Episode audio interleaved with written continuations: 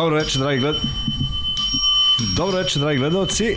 Navikao sam se sada u, u, u zadnje vreme da ja najavljujem i ne mogu, ne mogu nikako da dopustim da Luka tek tako preuzme, iako mi je mnogo drago što je došao i evo nas u 90. podcastu u kompletnom sastavu. Izvinjavamo se zbog kašnjenja, mada ja mislim da to stvarno više nema smisla uopšte da izgovaramo, ali videli ste koliko je trebala utakmica Virtus i Real koju je Luka radio, treba doći do ovde i Važno je da smo tu, jeste 23.20, ali realno navikli ste da nas gledate i u kasnim satima.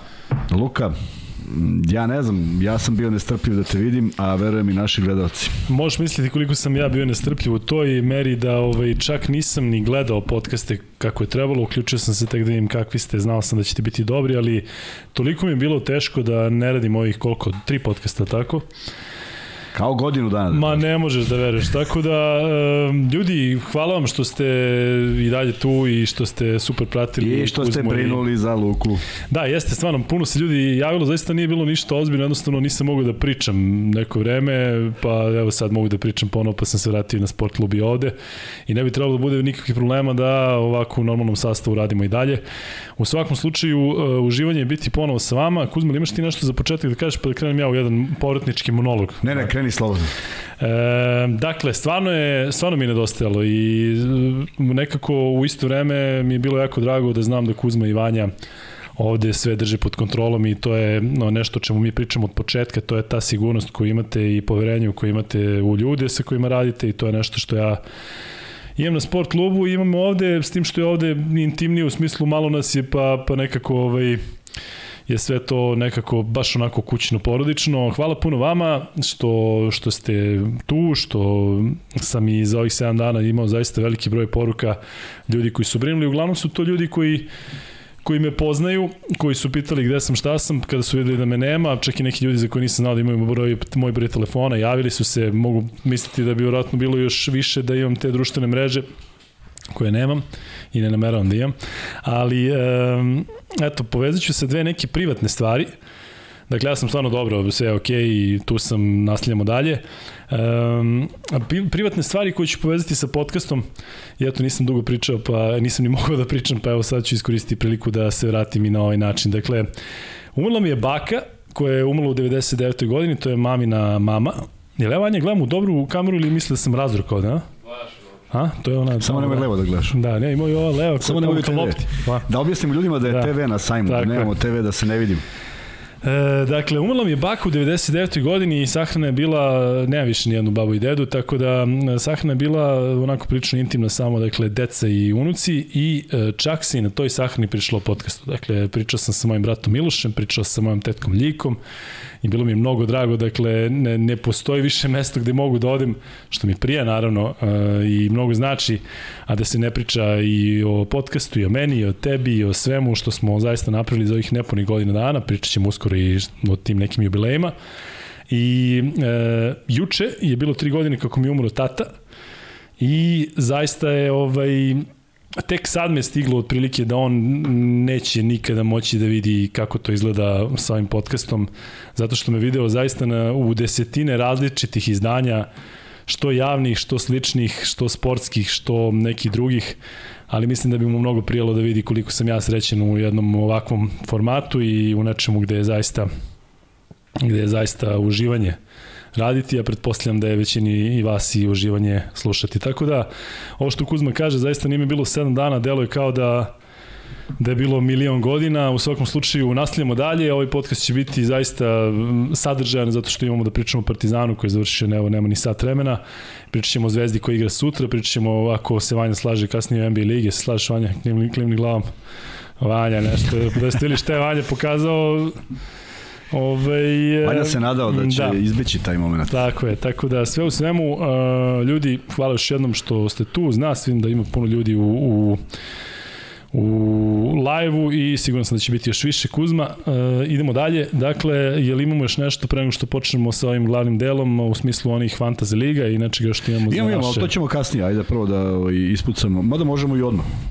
Kako god kažeš. Znaš šta imamo problem? Imamo problem što nemamo taj televizor i ne možemo da okačimo. Ne vidiš tamo, jel? Hm? Jel tamo ne vidiš kad Vanja okači? Ne može da okači, mislim da ne može da okači. Može, može, može tamo da okači. Pa da, da, ne može da okači. Može, Može, može on da okači, A, nego da li ti vidiš. Aha, dobro, okači, da. Nekog, mislim da Kuzma zna da možda okačiš nego da se vadi na to da ne bi... Ovaj... Ne, ne, nisam, a, a gledalci ne mogu da vide. Da, da, da, samo mi nemoj, samo ovaj televizor nemoj ja i ti ispred. Pa ja vidim tamo. Eto. Ali sad neću, sad ću da... Sad, Sad, sad sa, neću. sa telefona. Dakle, evo je tabela. ABA lige. Kao vidi me. I kaže da su Koke nosilje najbolji u ligi sa 754, fantastičnih 754 boda i da kažem da je 34. mesto, ti i ja, 458. A već vidim one koji su već neko vreme na, na, na, u vrhu ove liste. Međutim, u četvrtom kolu totalna popinacija, 172 boda i najbolji rezultat u ovom četvrtom kolu. Mi smo sa 119 sasvim solidni 25. Mi smo... A šta zadovoljan je? Podcasteri smo mi. Aha. To smo ti i ja i Vanja, tako? Ja ti, Vanja... I da. Dobro, mi smo dakle 25. u našoj ligi, je tako? Nemoj mnogo da se uzdaš u ulaziš te u brojeve. analizu, Da, da, nemoj, nemoj da preterujemo. Ne, nego stvarno, ne objasni mi, ovo levo je top Ovo je 10 privatna, timova. ovo je privatna naša, naša Luka i Kuzma, pa smo tu, ali tu je manji broj ljudi nego generalno. Aha, aha, Tako dobro. da ovaj, u globalu Marko Jeremić i dalje to drži onako Marko sve... Majstorski, viš kako je napravio lepe ove, ove, ove... Ma carski. Kako se ovo zove. Vanja? Grafiku, kako lepo grafiku. Znači, Daj sada- to je daj sada- komplikovani, komplikovani naziv. Nemoj. Daj sad Evrokup, izostaće Evroliga, zašto je počelo kolo, pa nemamo šta da prikažemo, ali evo ga Evrokup.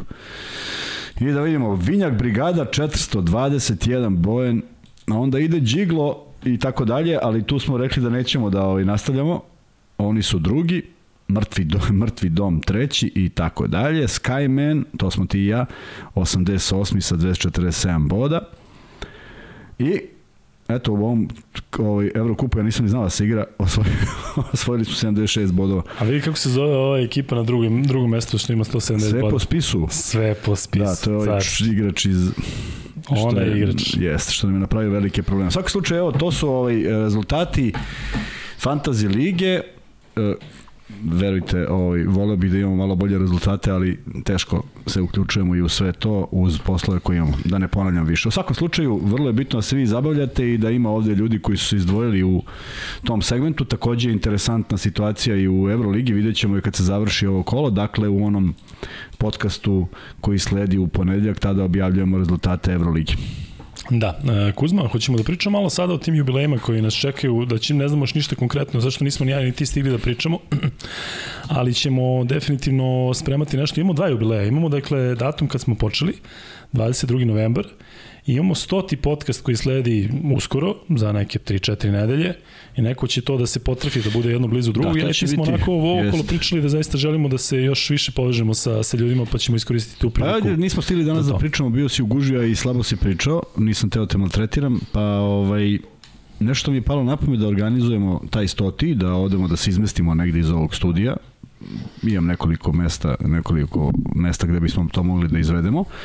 Da pozovemo sve naše goste koji su tu i koji su mogućiti da dođu, da na neki način uveličaju taj događaj i da mogu da se vide sa ljudima koje bi to zanimalo da dođu. I naravno da pozovemo sve ljude koji nas prate, a naročito, naročito kao deo naših gostiju da budu svi momci kao što je Marko, kao što su Mime Page, Kuzman i tako dalje, svi Mime oni, Page svi oni, tako je, svi oni koji su doprineli da ovome, Nikola Jovanović i ekipa ljudi koji su ovaj, stvarno doprineli da ovo izgleda na ovako kako izgleda i naravno da pozovemo sve zainteresovane da budu da budu dakle bio bi bio bi zamišljen podcast od nekih sat i po pretpostavljam a u, u, posle toga bismo se možda družili malo pričali i tako dalje. Da, definitivno još treba da, da mm, samo utanačimo šta, kad Da. i kako, još da vidimo Pa kad to će to biti. ideja. Ako imate neki predlog, tu smo. Da, uvijek smo otvoreni za vaše predloge, dakle sve radimo zajedno, tako da ako imate nešto što mislite da bi bilo interesantno, slobodno podelite sa nama, pa ćemo naravno uzeti u obzir. Ehm, tako da, u svakom slučaju, Kuzma, mi imamo, e, pokušat ćemo da se družimo sa našim ljudima koji nas prati, koji su u mogućnosti da dođu da nas vide i na sajmu knjiga, tako?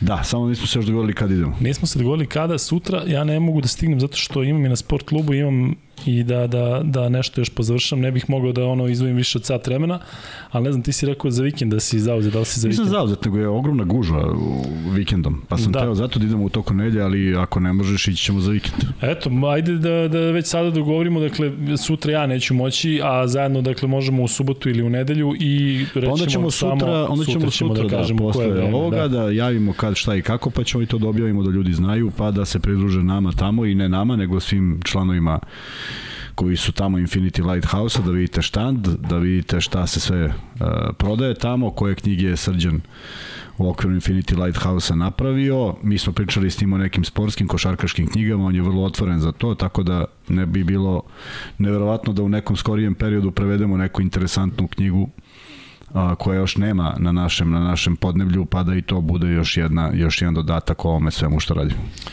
Da, e, tako da sutra radimo podcast, je tako manje posle 99 yardi, dakle vreme ono klasično 0015 ili negde gore dole, tako da pričat ćemo tada naravno o Zvezdi i pričat ćemo o onome što nas čeka za vikend, a sada se naravno okrećemo Partizanu, ipak pre toga samo kratko Kuzma da prokomentarišemo, evo dok se ljudi skupljaju, zaista je fantastičan broj u, u live-u i baš mi je drago, verovatno ljudi pod, pod velikim ovim e, vajbom Partizanove pobede, druge pobede u Euroligi, pobede protiv Žalgirisa, ali eto samo kratko bih da prođemo ovo što se dešavalo u, u Eurokupu.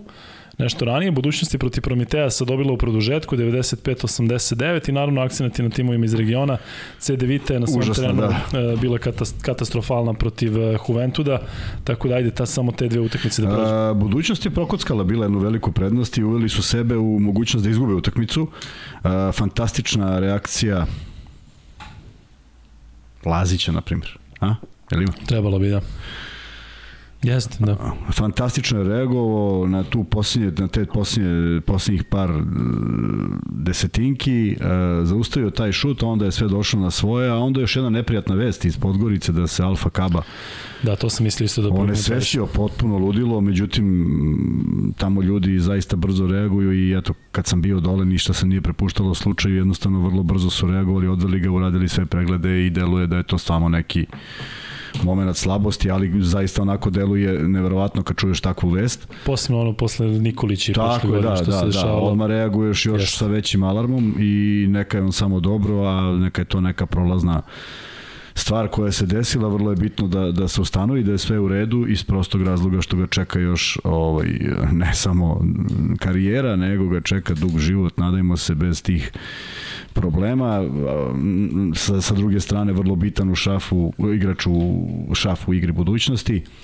Uh, svakako bi bilo na, na, na, ne, ne postoji nešto što bi moglo da se kaže a da da ima smisla samo neke zdravi i da mu se ništa ne desi slično, a ovaj a budućnost je ovom pobedom ipak napravila jedan pomak, još tu mnogo stvari treba da se iskristališu, jednostavno nikako da naprave tu konstantnost igre, da nema tih padova, A što se tiče CDVite, zaista je neki problem veliki, očigledno da taj promena sastava je dovela do toga da ipak to nije slično, ni malo slična ekipa prošlogodišnjoj i ne ide mi, ne ide mi, onako ne volim kad čujem da su ekipe iz regiona tako plasirane, pa makar to bila i CDVita, prema kojoj čak imam simpatije iz prostog razloga što igraju imaju plejadu nekih jako dobrih igrača i žao mi je što se nalaze na mesto na kojem se nalaze, a složit ćeš se sa mnom ne u toliko uh, ludački jako i kao na primjer prošle godine u ludački jakom Evrokupu. Prema tome, to će se odraziti verovatno i na ABA ligu i možda je srećna okolnost za njih što nije naletela zvezda. Ne znam za koga je više srećnija u tom momentu, ali uh,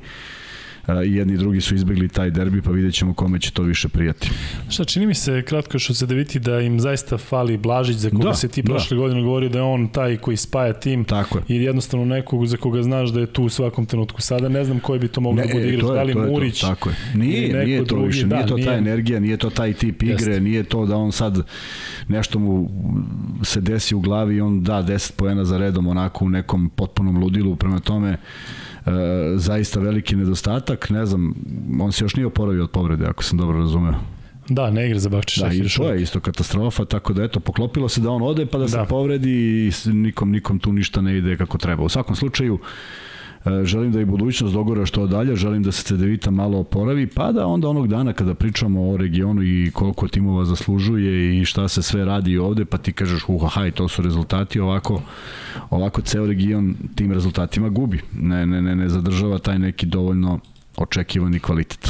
Ja ću samo za kraj ovog segmenta, kratkog segmenta o Evrokupu da kažem da je Bursa, koja je prošle godine igrala finale, prvo, doživjela prvi poraz i to od ove nove ekipe Prometeja, koja je ukrajinska ekipa, igra naravno u Rigi i onako prilično jednoj skromnoj atmosferi i onako ima tu nekih par desetina navijača koji navijaju čini mi se da ovaj da da su tu ne slučajno, ali sve u svemu taj meč pominjem zato što je zaista bilo katastrofalno suđenje. Dakle, prosto je neobjašnjivo šta su sudije tu radile.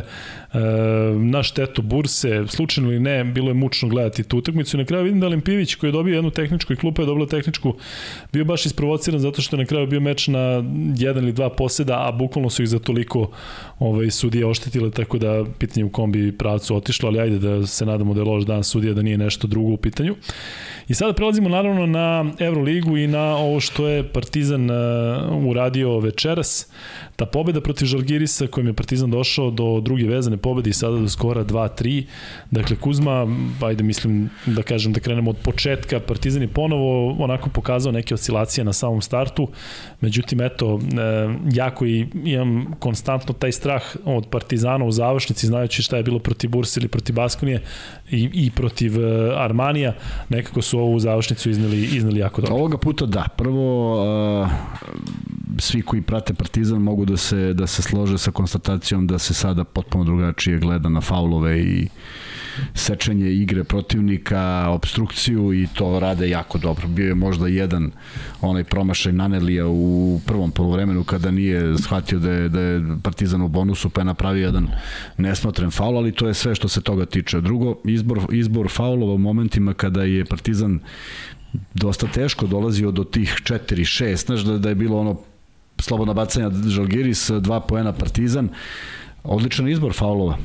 Jako loš procenat za slobodnih bacanja tada igrača Žalgirisa i to je jedna kapitalna prednost u jednoj mirnoj igri u kojoj zaista ovoga puta Panter kao eto, kapitan Partizana predvodio svoju ekipu, međutim i dalje sam ubeđen da je ta Lesorova energija, te njegove blokade, to zatvaranje reketa nešto što pokreće ovu ekipu uz bljesak uh, Andjušića kada je bilo potrebno, uz uh, Nanelija koji sad igra sve sigurnije, još uvek Lidej nikako da se odluči da odigra, ne da se odluči da odigra dve utakmice konstantno, nije on bio ni malo loš, ali na primjer ovde je zaista loš šut za tri poena, što opet pričamo o tome koliko zamora ima i koliko nema vremena za trening, pa možda i nije neko čudo, međutim u svim ostalim segmentima je bio dobar i onda nešto što naravno nacija priželjkuje, a to je a, veća minutaža srpskim igračima. I onda vidimo neke drugačije reakcije, a ja mislim da nisu bezrazložne. Na primjer, videli smo jednog Tristana Vukčevića, ja dugo nisam vidio igrača da napravi levi, uh, levi rolling pa desni rolling ili desni pa levi. Sa takvom lakoćom, ali onda mora da ide do, do, do kraja. Onda ne može da smisli neko dodavanje u sred reketa koje niko živi ne očekuje i tu, tu plane Obradović. Zato što da je on šutnuo i promašio na koš, ja mislim da niko reč ne bi rekao. Ako izgledalo je kao izgubljena lopta i zamenemeri se sve što je on uradio. Kod Koprivice očigledno se ponavljaju iste stvari, jer e, prva reakcija Obradovića je bila na njegovo iskakanje, to jest na njegovo branjenje pick and rolla, koje nijedan trener ne može toleriše baš u nedogled i ja mislim da je to nešto što svaki igrač mora da se izbori i negde bi išao onako, znaš kojom bi logikom išao? Ajde da pogrešim i da napravim faul, ali samo da, da, da pokušam da uradim kako treba. Ne kako ja mislim da treba, nego kako je to tražio trener, bit će svima lakše i njemu će biti minutaža produžena i onda ulazi uh, Trifunović I to je ono što mlad igrač možda u jednom trenutku, ja mislim da ima dovoljno vremena da promeni neke stvari. A, postiže trojku i, i sad to je to.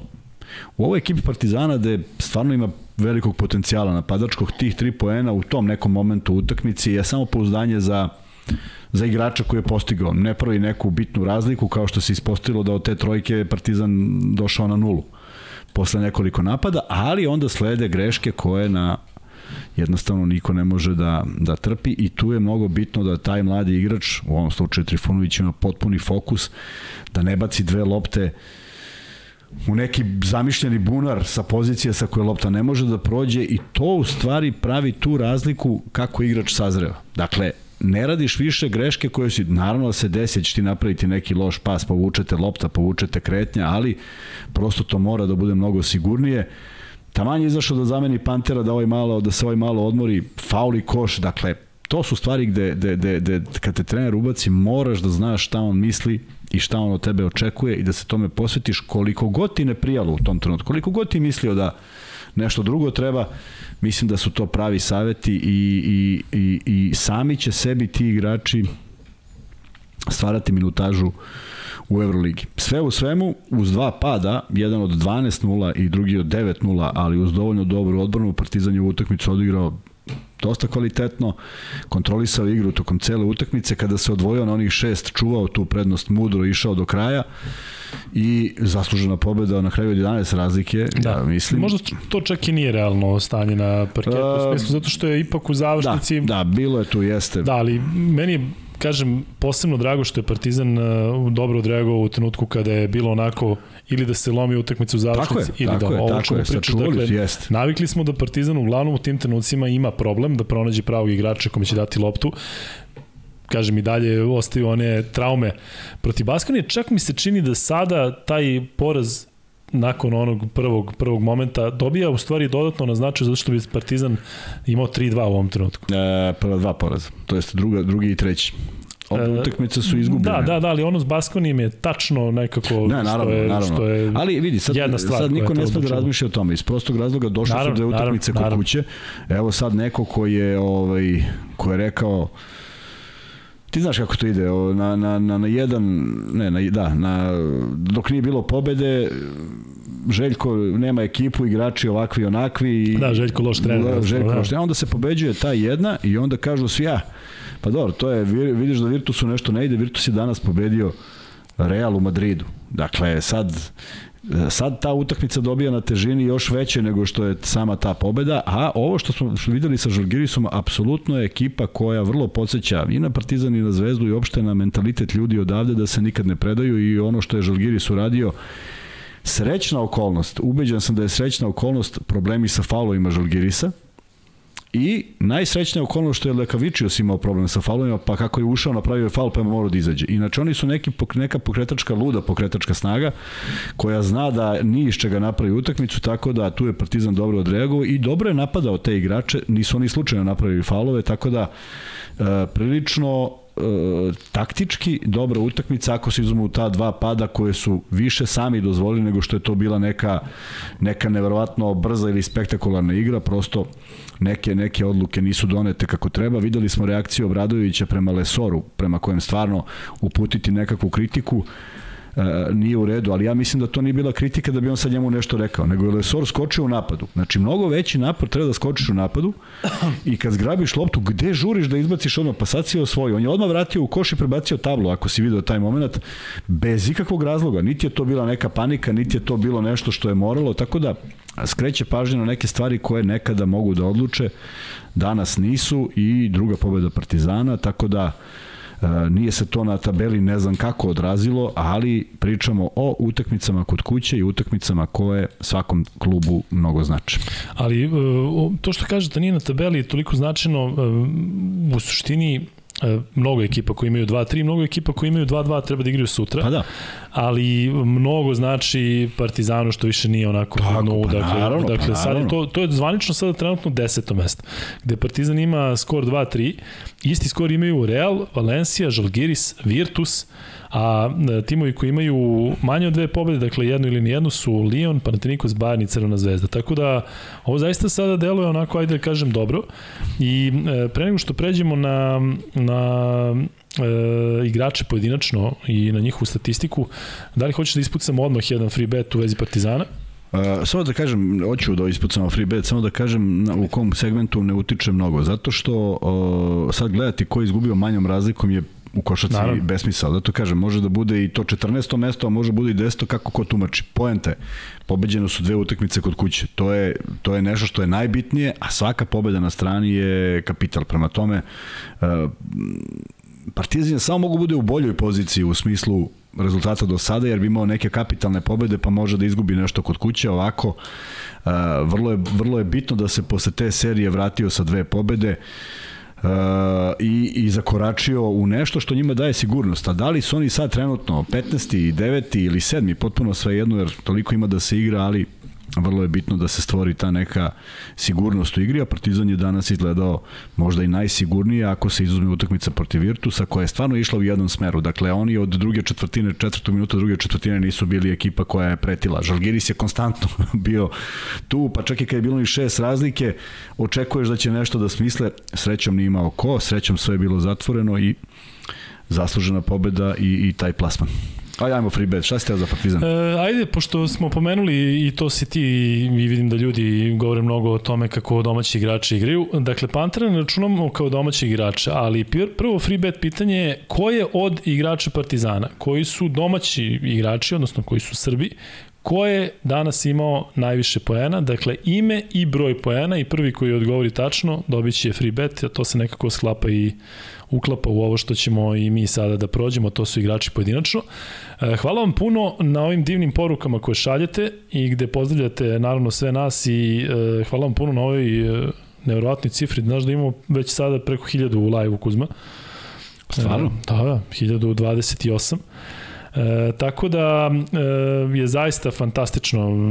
Ja ne mogu da kažem da imam tremu, ali sam toliko srećan što, što, što smo ponovo zajedno. E, vidim da ste počeli da odgovorite, ali morate da stavite i broj poena, dakle to je bilo kompletno pitanje da stavite i broj poena, dakle koliko je dao najefikasniji srpski igrač Partizana danas, a ne računamo Pantera. E, I odgovor ćemo uskoro dobiti.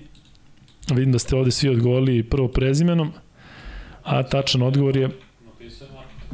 Jeste. Da, Marko Topalović koji ima jako lepu poruku je napisao, ili on prvi? Da. Da, jeste, jeste Marko još gore, dakle pre svega ovog sam je napisao Andžišić pa je promašio slovo, ali Marko računamo ti naravno. Hvala tebi puno na, na ovoj lepoj dobrodošlici, lepoj poruci koju si poslao gore. Tako da Marko Topalović, popularni top, šalje dakle ID Max Betov na Luka i Kuzma Instagram. E, Kuzma, pojedinačno kada krenemo ovo igračima, igramo naravno, odnosno krećemo od Pantera koji ima 26 pojena, jednu asistenciju za 19,5 minuta na parketu, 7 od 10 za 2, 3 od 4 za 3, 3 od 4 sa penala. E sada, Naravno, pričat ćemo o njemu, odnosno pričat ćeš o njemu sada i o toj partiji zaista bio konstantan. Međutim, on ima 0 od 11 protiv Monara. Jel si imao ti u karijeri takve saigrače koji mogu u 3 dana ili 4 dana da budu bukvalno od katastrofe do, do igrača? Mene to odušenja sam Panterom danas, ali ja se plašim da je to nešto što možemo da očekujemo i dalje. S tim što e, njegovih 0 od 11 protiv Monara neće istrpeti neka, odnosno neće proći protiv Euroligaške da, ekipe. Da, mm, vidi, dešava se zato što tih uspona i padova ima, opet, ja mislim u nedostatku treninga. Prosto toliko je utakmica da, da jednostavno neke stvari ne mogu da se nadomeste. E, motivacija je takođe nešto što je kod njega vrlo bitno. Evroligu on igra u jednom drugačijem ritmu, očigledno ovo mu nekako dođe kao usputno, što bi možda i bilo logično da ga neko odmeni i da bude malo više sigurnosti kad on je na parketu, stvarno je to protiv Onala izgledalo bez veze i naravno da, da, da odmah krenu priče koliko je to strašno, jeste, ali evo sad utakmica koja je u potpunoj suprotnosti, dakle ne malo drugačije, nego mnogo drugačije i valjda to govori o ovom uh, ovom vremenu sa ovoliko utakmica, sa malo treninga, sa malo ispravljanja nekih stvari, sa uh, nekim, nekim nedostacima koji se teško ispravljaju, a opet ja verujem da je on na primjer imao jako mnogo teže čuvare danas, mnogo opasnije igrače i nekako je sa, lak, sa većom lakoćom to rešavao. Možda on ima taj neki dodatni motiv koji ne bi trebalo da koristi baš uvek, trebalo bi možda i nekoj onakvoj utakmici da malo da malo pokaže da može da pogodi, ali sam si rekao, taj, ta, ti promašaj nisu pogodili Partizan, nisu zaboleli zato što je bilo bio dovoljno broj igrača koji protiv Mornara mogu da odigraju u krajnjem slučaju cela ideja Partizana koja je bila veoma uspešno realizovana je bilo zaustavljanje Rasela. Uh, Keenan Evans, A misliš Rasela dole u protiv Monara? Da, da, da, da, ono je bilo potpuno pa, okrenuto. Pa, naravno, da. Tako da sve su uradili kako su dogovorili i nijednog trenutka mu nije bilo jasno šta se tačno dešava. Da, mislim da ćemo posle one partije da je lagano zaboravimo na njega, zato što on je mimo 40 kusur poena u proseku i onda kad treba da odigraš kako treba... E, ali ne možeš da odigraš kako treba kad su dva igrača na tebi, on to ne primećuje. Tako I ne traži soluciju neku, nego on uredno ide i, i juri i misli da je to to, ali dobro, to je sad... Mislim da su neka... sada malo ugasile se one priče, trebalo bi da ga povuku Zvezda ili Partizan, misli da on dođe u Zvezdu ili Partizan i da igra sa onakvim stavom pa nastavi potpuni Teško, has. teško. Možda bolje za njega da malo taj... Bolje, bolje, bolje tamo da ubacuje kad može 40 i da. svi su zadovoljni. Da. E, Panter, dakle, 26 pojena ubedljivo najefikasniji. Drugi igrač koji bih pomenuo je Zekla Day, koji je imao 10 pojena, 6 skokova i 4 asistencije za 33 minuta na paketu, 5 od 8 za 2, 0 od 4 za 3, nije šutirao slobodno bacanje, ali eto neko su se zamenili on i Panter zato što je da. Ledej bio fantastičan, gotovo bez promašaja odigrao Tako je, ovde je promašio sve četiri prilično da. otvorene trojke, što je nedostajalo negde za tu sigurniju igru. Međutim, ovo što si rekao i broj poena i, i, i skokovi i uopšte postavio se u napadu kad je trebalo, iznudio nekoliko faulova. Dakle, bio je tu na, na terenu u potpunosti i ogromna minutaža u suštini.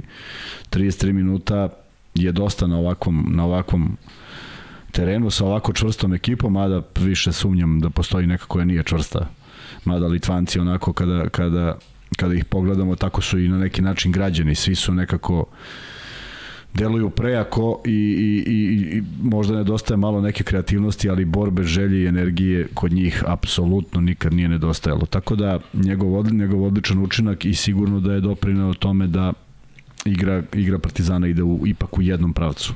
Bilo je samo jedno vođstvo kada su okrenuli igrači uh, Žalgirisa i to je to. Sećam se grafikona koji je samo u jednom trenutku išao zeleno na dole, par poena.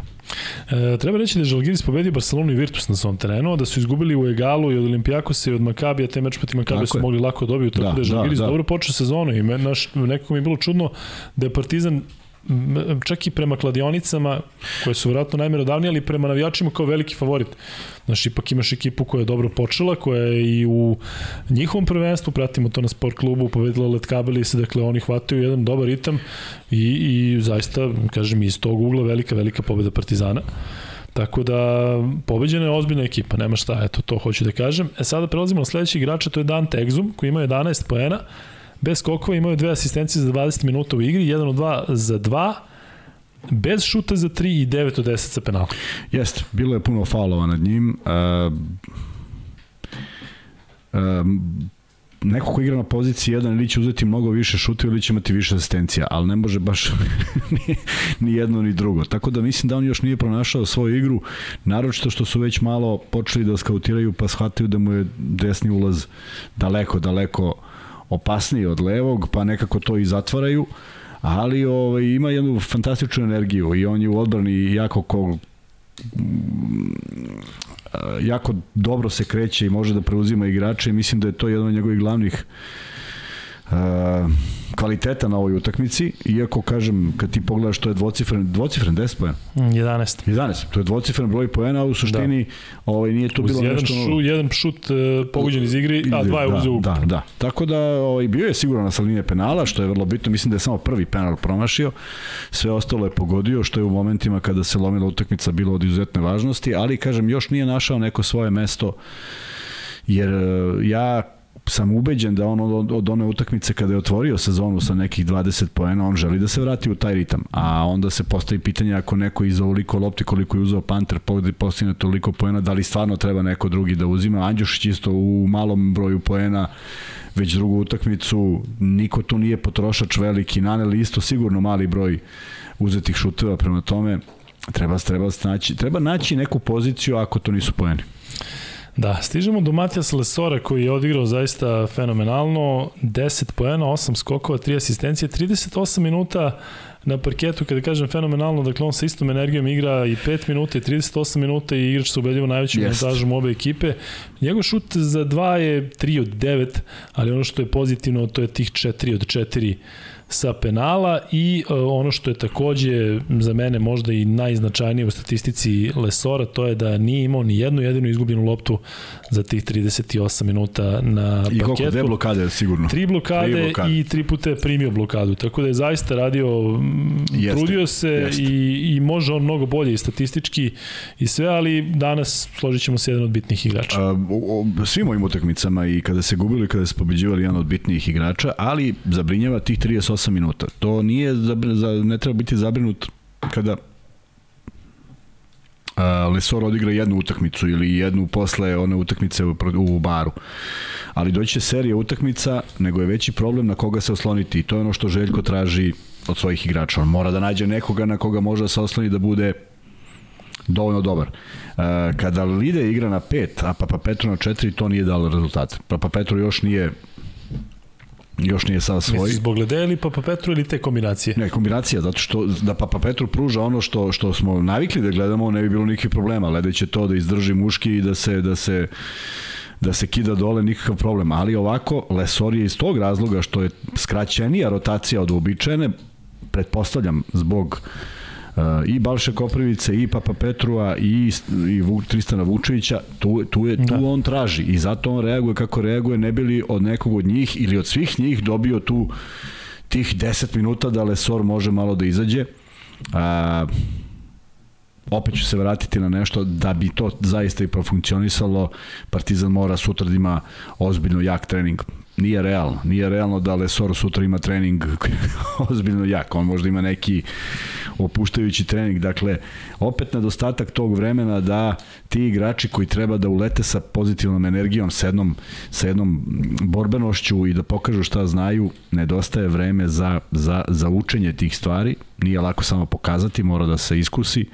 Tako da to je nedostatak svima, pa naravno i Partizanu, ali kao što je Balša od prvog dana upoznavanja sa Željkom pa do kraja bio bolji, ja verujem da će on iz, iz, iz meseca u mesec ispunjavati to što se njega traži, jer zaista je greota ne videti ga na ovoj utakmici gde je bilo prostora za, za odmor Lesora, da, ne videti dečka koji će, koji će da zakrpi nešto, da napravi tri faula, muška faula u tom momentu, da ne ispadne nijednom iz odbrane, da na udvajanju na piku ili šta god da je zamišljeno na piku istrči munjevito, pa u nekom kašnjinu napravi faul, napravi faul, ali da to bude nešto što zadovoljava kriterijume Željka Bradović. Ajde da ostanemo na Balši Koprivici, 45 Ajde. sekundi na parketu, bez šuta, ništa, bez da, skoka, ništa. dakle ništa jednostavno nije ni moguće za 45 sekundi. Osim da nešto ne valja. E, tako je. E, je li ima možda neko objašnjenje, da li ti se nešto čini, da, da li njemu treba sada, da li treba strpljenja za njega ili se možda manje računa na njega? On je, bi, on je bio nesigurni protiv Monara, dakle promašio nekoliko, nekoliko zicera. E, ja sam govorio na početku sezone da mu treba treba dati šansu i sve. Da li je u stvari ovo normalno za jednog mladog igrača koji prvi put igra Euroligu? Pričali smo o tom njegovom ne. odlasku u Ameriku, pa sve i svašta šta se dešava. Šta je sada nešto, što, da li treba da očekujemo Balšu više u Jadranskoj ligi? Šta što mene zabrinja? Šta? Mene zabrinjava, kad posle ovih godina koliko imam i zaista mislim da imam iskustvo to da vidim, mene zabrinjava ponekad govor tela tih mladih igrača. Da, pričali smo o Petruševu, o Simaniću, misliš da je to to? Znači, ima sad, ima sad, evo ja sam te čekao, pošto je bila gužva u saobraćaju i sve ovo i gledam te snimke i sad ima jedan segment Obradović razgovara s Koprivicom. A nije on dotrčao da čuje to. Ne kažem da treba da trči, da ne znam, da padne u nesvest, ali nije, A Panter nije dotrči, da uvek. Panter video si uvek dotrči sa energijom, nekom lesor isto upravo da... to, koliko god im bilo pravo šta će reći. Da. Verovatno će reći nešto što im i nije pravo i ne čuješ ti uvek od trenera nešto ti prija da čuješ. Ali isto kao što trener od tebe traži nešto, to traži zato što misli da možeš. Onog trenutka kad misli da ne možeš, neće ni da ti se obraća i onda ćeš da sediš tamo kao 12 i da navijaš. Dakle, vrlo je bitno imati tu interakciju A meni deluje da je to samo klimanje glavom, klimno sam jer, jer šta radim, moram da klimnem glavom. Vole bi da grešim ja želim da grešim i želim da Balša na sledećoj utakmici u Jadranskoj ligi koji Partizan igra uzme i pokida nekoga i da 20 poena i da mi vidimo jedno novo izdanje. Ali, kažem, vrlo slični temperamenti, tri izuzetno fizički nadarena momaka. Momaka, da. tri momka. Tri momka. Pet momaka i dalje. Tri momaka, tri momka. uh, Simanić Petrušev i, i zaboravio sam jednog, kojeg smo malo gledali samo zašto je ispao iz fokusa, Pecarski, isto. Ali dobar je bio sa protiv Partizana. On je bio odličan. Baš je videlo on da je bio hoće da odličan. se dokaže. On je, tako, i on je bio odličan i on, i on mora sa ovim brojima da vodi svoju ekipu do pobede. Ne da se zadovolji tim. A on ima taj problem što, što, što, što kao, da ne, kao da mu je to sve jedno. Ne može ti bude sve jedno. Dakle, ja bih više volao da im njega u 7 poena i 5 skokova i nekom ludačkom energijom, a 35 minuta na parketu pokrio sve i Mornar na kraju pobedio. Da. Ali on to ne vidi tako. Tako da, žao mi je što Balša igra malo, Tristan Vukčević što je igrao, mm, mnogo bolje koristi. Evo kad si tu, da kažem, Ajde. samo Tristan Vukčević je odigrao 6 minuta i ostvario jedan skok. Jedno promašio. Nevažno ovo, prethodna utakmica na primjer je bila mnogo kvalitetnija, mnogo drugačija protiv Mornara. Koristio je mm, šuteve kad je bilo potrebno, ulaz kad je bilo potrebno, faul kad je bilo potrebno. Dakle, e, da li je 6 minuta u redu protiv Žalgirisa jer je moglo 16, ja zaista ne znam. I ne mogu se mešam, ne volim da se mešam u posao trenera, ne, ne, kamoli Željkova, ne volim ni, ni jednog trenera uopšte da spominjem u tom kontekstu, ali očigledno da Tristan Vukčević sada više radi ono što treba da radi.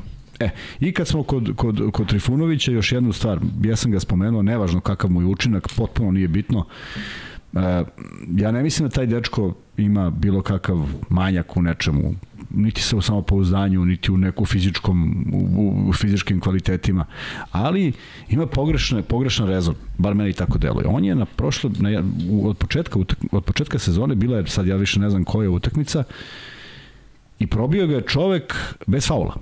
Probio ga je, otišao do kraja, tačno je da li je permutovo šta se igra u odbrani, da li šta, u svakom slučaju napravio grešku, a onda je u sledećem napadu šutnuo za tri iz neke prilično teške pozicije, van stabilnosti neke, malo u- iskosa i promašio. Kad se više iznervirao? Pa nije kada ga je probio ovaj. Nije. E to je ono što što što što što što javnost da, možda će to da bude lepo za Instagram naš, iznervirao se kad je promašio šutne 3. Ali ovaj trener koji te gleda, Znaš kako ga zanima da li si pogodio van balansa trojku koji si dobio prilično loš pas i sve to. To je najmanje bitno, jer to nije šut koji vežbaš. Znaš kad ti lopta se kotrlja po podu, ti uzmeš i šutneš i iznenadiš što si promašio. Pa nije, taj šut nikad u životu nisi vežbao. Kad bi vežbao kotrljanje, možda bi ga i Ili dao. kada je da u nogi, kad Tako je, pogode. ali ako je dogovor da ovaj ne sme prođe u desno, samo ne pitaš čije je desno, to je onda ovaj... to je onda ozbiljan problem. Prema tome, to treba bude njihov fokus.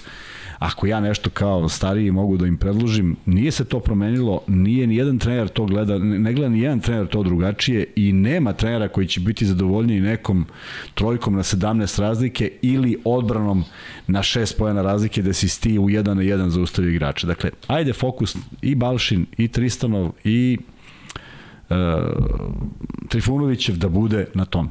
I vidiš kako će nam da igraju. Ali ubeđen sam da će da igraju.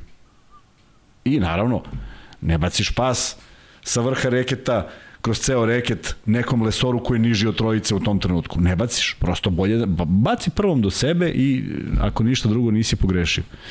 Ali to su stvari koje se uče, imaju od koga da uče i e, vrlo je bitno za Partizan da u ovoj seriji utakmica budu rasterećeni. Ne znam ko im dolazi u Jadranskoj ligi, Mega. Mega, to će biti izazov, pošto i igrače Megi uvek, uvek inspirišu najbolji, tako da oni kad igraju derbije protiv e, Partizana Zvezde budućnosti, onda su onako u nekoj novoj, u drugačijoj brzini, žele da se dokažu, tako da to sigurno neće biti laka utakmica, a to je pravi moment da neko uskoči i da preuzme ne samo odgovornost, nego da preuzme teret utakmice i da iznesu taj teret. Koliko Kuzma ti sitni detalji o kojima govoriš od utrčavanja do trenera i to što nema reakcije kad te neko probi odbrani, koliko u stvari to govori o nekim Ja stvarima? mislim mnogo. Ja zaista mislim mnogo, zato što... Ali ovaj, mislim da veći broj ljudi takve stvari ne primeti. ne primeti i ne živimo u vremenu kad to treba da se primeti. Kažem Da. ti, znaš, e, toliko imaš, toliko lepih fotografija oni sa današnje utakmice imaju. Svi oni. Ovaj zamišljen, ovaj gleda, ovaj, ovaj ne znam šta radi, znaš, i onda uživaju u tom nekom prividu, ali mi živimo u prividu, pa i to je jedan privid. Međutim, taj trener ne živi. Taj, svi ti ljudi koji su posvećeni tom poslu tačno znaju šta hoće i što pre ovaj, ti igrači shvate šta trener hoće, to će im biti lakše, a bojim se da nekima se ovaj, karijera prebaci u neki taj mod koji nije nije dobar. I ako te počnete prati taj glas, Mnogo je teško. Da stane malo u odbranu tih momaka koji ja uvek su naši. u odbrani, ja uvek da, stojim u. Naravno, ali koliko je njima teško kada vide da stranci imaju apsolutno onako punu slobodu, a da oni moraju onako u nekoj minutaži koju dobiju na kaščicu da se istaknu, koliko to ubija, ubija Evo tebe. sad, ću, evo sad ću ti reći, dakle, ako, na primjer, ajde uzmemo samo za primjer Trifunovića, ako on misli da Panter ima svu slobodu, to nije nikakav problem. I uzme Trifunović loptu i u jedan na jedan izlomi čoveka i digne se sa posta i promaši. Jel stvarno misliš da će Željko nešto mu kaže? Znači neće, sve igračke, neće. Neće, ali sigurno ne, mislim da ne postoji varijanta u kojoj Trifunović u bilo kom trenutku možda ima 0 od 11 u nekoj Ne, utakmici. ne, dobro, to sigurno, ali Da. da. vidi, to se dešava jer onda ti dođe utakmica kad on da 26 pa si ti veseo što je on dao 26. Dakle, imaš prosto igrače koji tebi sebi to moglo da dozvole i u krajnjem slučaju imaš trenera koji je nekom dopustio da se to i ne, dopu, ne dopušta svako. Ali, ako u odbrani Panter uradi izgine, a mislim da se ne folira u odbrani uopšte, onda ne možeš ni ti. A napadački ćete svaki trener istolerisati ako je akcija igračka, ako to nije van konteksta šut, ako to nije nešto bez veze, nego smisleno, sa dobrom kretnjom. Ja, ja koliko, kad vratim film i kad mogu da zamislim Partizanove povratke posle promašaja, kad, ne samo u ovoj sezoni, nego i prethodnoj, pa neretko viđaš Željka koji ide i tapše, zato što je bila dobra pozicija pa ti onda vežbaš sutra pa će ta lopta da uđe. Ali ako se ne rade defanzivne stvari ili ako se zaboraviš u rotaciji ili ako si napravio glup faul ili ako bilo šta, to, to, to moraš da imaš. E, tu si, tu onda ne smeš da kažeš pa kako ovaj. Nema nikakve veze kako ovaj. Nemoj ti. Tako da to je neki savjet da slušaju svoje trenere. Da pitaju ovdje ko ima slobodu u igri, pa ja mislim da Panter ima sa tih 0 od 11 da ima slobodu u igri i da se neke stvari kod njega tolerišu i treba da se tolerišu zato što je najbolji košgeter, ali um, što se tiče... Ali evo ja sam ubeđen, tiče izvini što te prekrenem, ja sam ubeđen da će Lidej još četiri šuta smeti da šutne iz svojih pozicija. Sigurno. Samo, samo da nije iz driblinga crossover, step back i onda kao šutno da će Željko ga pogleda bledo i da ga pita jesi šutno nekad tako. Da. On će vjerojatno reći da nije, pa nemoj ni danas. Tako da i on će šutnuti e, toliko. I Tristan Vukčević kad bude bio sam u ćošku, šutnuće dovoljno koliko njegova njegovo samopouzdanje dozvoljava. Ajde sad da uzmemo ovako kontru. Šutne Tristan Vukčević sam iz ćoška 3-0. Da li šutira i četvrtu loptu? treba ti ozbiljan bezobrazluk i samopouzdanje ti kažeš, ej, tri sam promašio odavde sa istog mesta, sad ću da... Slažem se, postoje takvi, ali nisu svi takvi, naročito ne neko od 19 godina koji sad razmišlja da li ću ja brdi izletim ko iz, iz praćke ako sad šutnem 4-0. Da. Tako da nije to, a Panter ima taj osjećaj on veruje u sebe i on zna da to ne može da traje i jeste trajalo 11 puta, ali onda je narednih 13 ušlo. Tako Da. da. da on to posmatra vrlo jednostavno. E, ovde, da, i uvijek bi izabrao da tako bude u Jadranskoj ligi. Samo kanal, da se ne trpi, on, samo da se ne trpi. Ali vidi, Da. da. i, i on je testirao neke stvari. Ja mislim da je on ušao u fazu, sad ću da, sad ću da isprobavam. Zato što ubeđen sam da je tu bilo klimav rezultat. Ako ništa drugo, on ima sve moguće sposobnosti da bi išao na dva. Ako ne bi, ako bi on nastavio da šutira, pa onda bi vjerojatno izašao i ne bi došao do 11-0, nego bi neko drugi pokušavao da koš.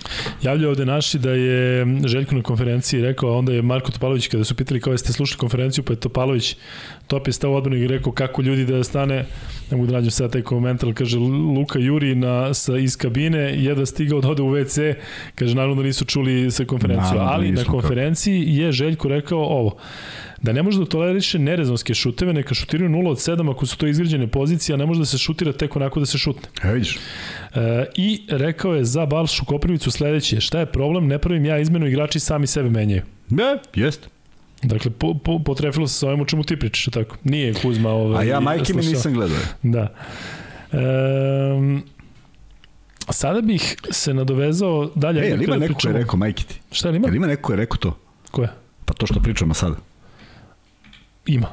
Ima. Da, ima, ali ovde isto skreću pažnju da prvo ima malo, čini mi se da ima malo razumevanja za ove naše igrače u smislu da ipak su mladi šta god da se desilo, ajde da ih ne napadamo, nema potrebe, posebno nakon pobede. E, I vidim da se baš ovako, onako, svi su nervozni i svi su e, nestrpljivi što se tiče Papa Petrova, pa ćemo i o njemu uskoro da pričamo, ali e, kažu da je da, da nismo skrenuli dovoljno pažnju da je Tristan jako dobro igra u odbrani.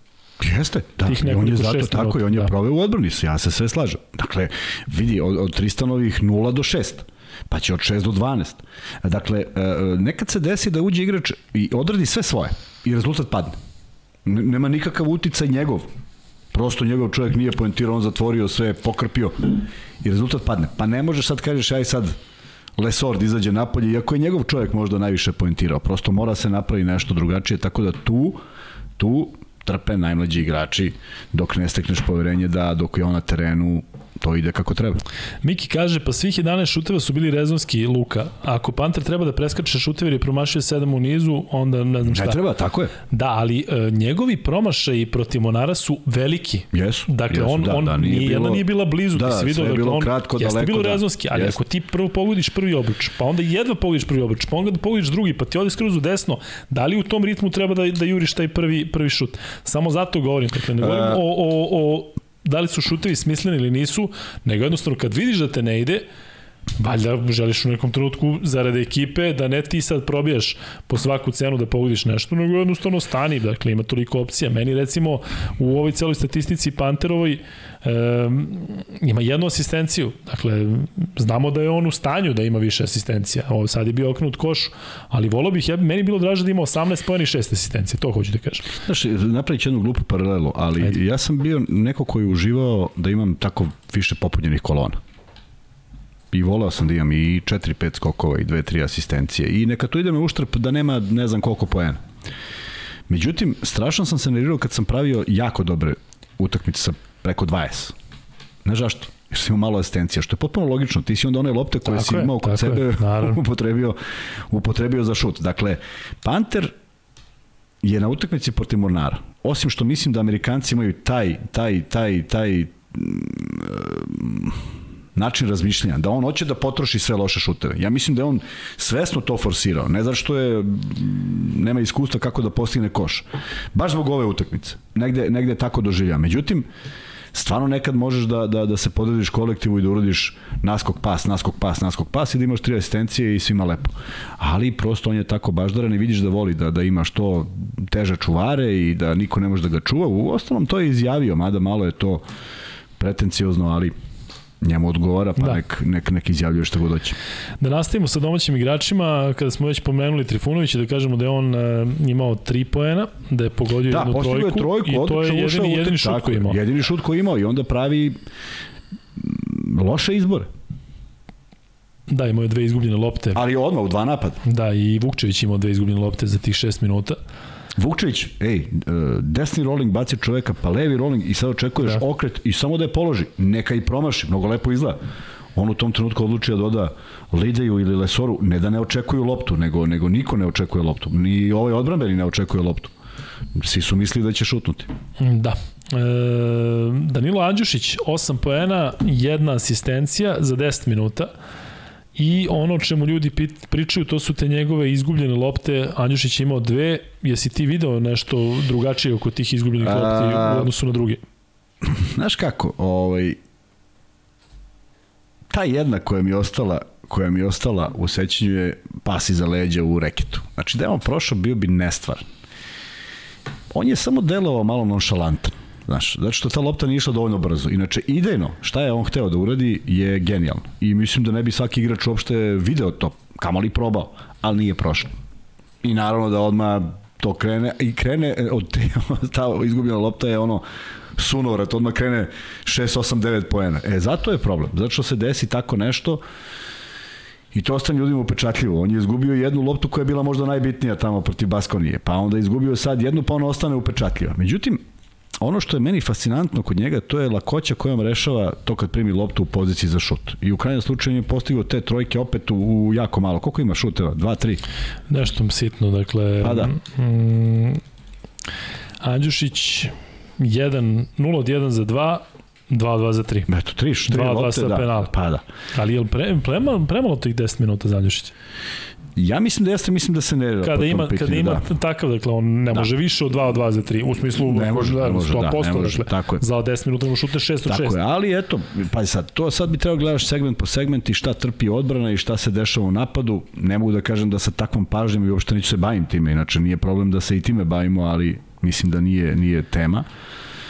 Ovaj, zašto i kako, našlo bi se sigurno razloga zašto i kako, međutim, opet čovjek koji kad je ušao jedna trojka, kad je onaj nerešen rezultat bio druga trojka, ja mislim da on donosi jednu ozbiljnu sigurnost, zato što njegov procena šuta od početka sezone je sigurno dobar, i, i, i mislim da i, da, da i on ima neke smernice šta, šta je to što njega ne drži 15-20 minuta na parketu i vidjet ćemo, ja se nadam da hoće, zato što ovde u razgovoru s njim videli smo koliko ima samopouzdanja, koliko je svestan nekih stvari, koliko želi da bude ovaj, vođa ekipe. Ne mogu da kažem da li mu je smetalo što je Panter postao kapiten, to stvarno ne znam. Da li je očekivao da bude on, ni to stvarno ne znam. Delo onako njegov izraz lici kada je na klupi, delo je da je nezadovoljan, kažem, verovatno sa pravom, opet verovatno je sam od sebe očekivao više, verovatno je očekivao i veću minutažu. Odatle nek opet... pođe, odatle nek pođe. Da li sam ja uradio sve što je što od mene traženo? I treba biti samo kritičan. I e, e, naravno, jako teško je pričati o sebi, ali e, ja mislim da sam imao preteranu dozu samo kritike i odigram utakmicu i svi kažu da je super, ja se ne zbog nekih trivialnosti, prosto bio sam takav i ne kažem da je to dobro ne, ne kažem da treba svako tako, niti sam time neki nadljud, nego jednostavno sam tako koncipiran. E, da nastavimo sa statistikom, dakle, e, vraćamo se na strance.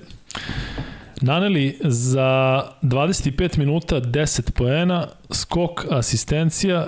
Naneli Kuzma igra baš ono što se očekivalo od Naneli, je li tako? Da, dakle, da. ništa posebno u smislu da se nešto ističe, ali kad je treba, dakle, baš deluje da da se jako brzo uklopio, što ne možemo da kažemo za neka druga pojačanja Partizana, uskoro ćemo i o tim imenima, ali Naneli, vidim da mu ljudi i dalje prebacuju ono slobodno bacanje, dakle on pa stvarno pa čovjek radi... Pa promašio čovjek slobodno bacanje. Ja sam prezvan kako Nanali igra i ne bih tu ništa menjao, tako da...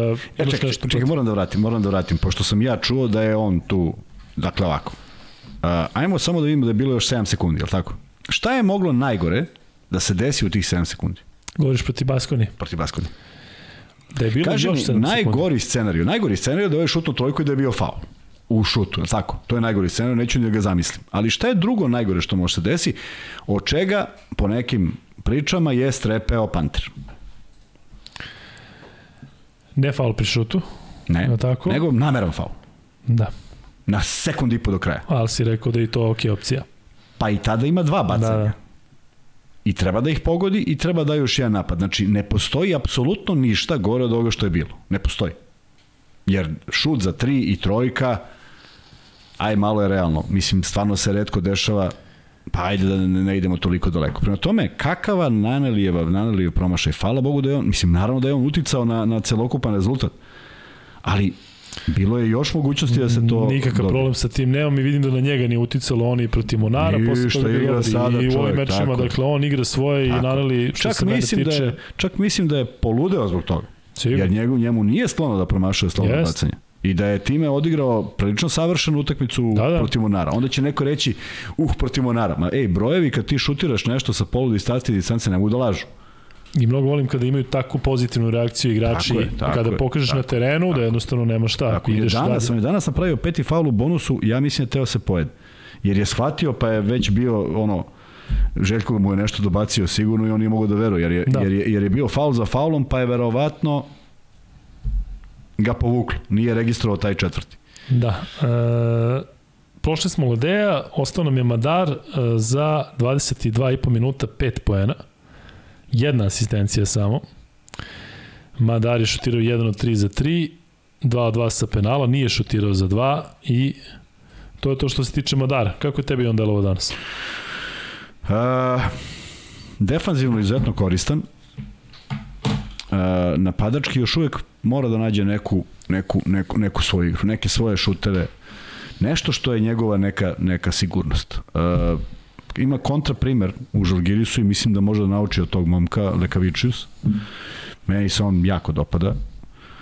Ovaj, i video si s kojim, sa kojim on sigurnošćem, slažem se, to je 10-12 godina neki, ali eto, to je neki... Ali koliko neki... nevjerojatno, koliko on uh, uopšte, taj, to što je nizak, uopšte se ne vidi na terenu. Ne, Ni na koji način. Tako, i, i vrlo potičeo fizionomijom, je tako, da. obojica, i vrlo košarkaški izgledaju ovaj, eto, to je, to je ta neka jednostavnost. Znači, naći nešto što... Jer ovo što Željko kaže, da Madar uzme iz svojih sposobnosti, da napravi tri drib, dva driblinga i da naskoči na penal i da šutne 3-0, Ma nema, nema veze, doći će taj šut ali su to igračke stvari.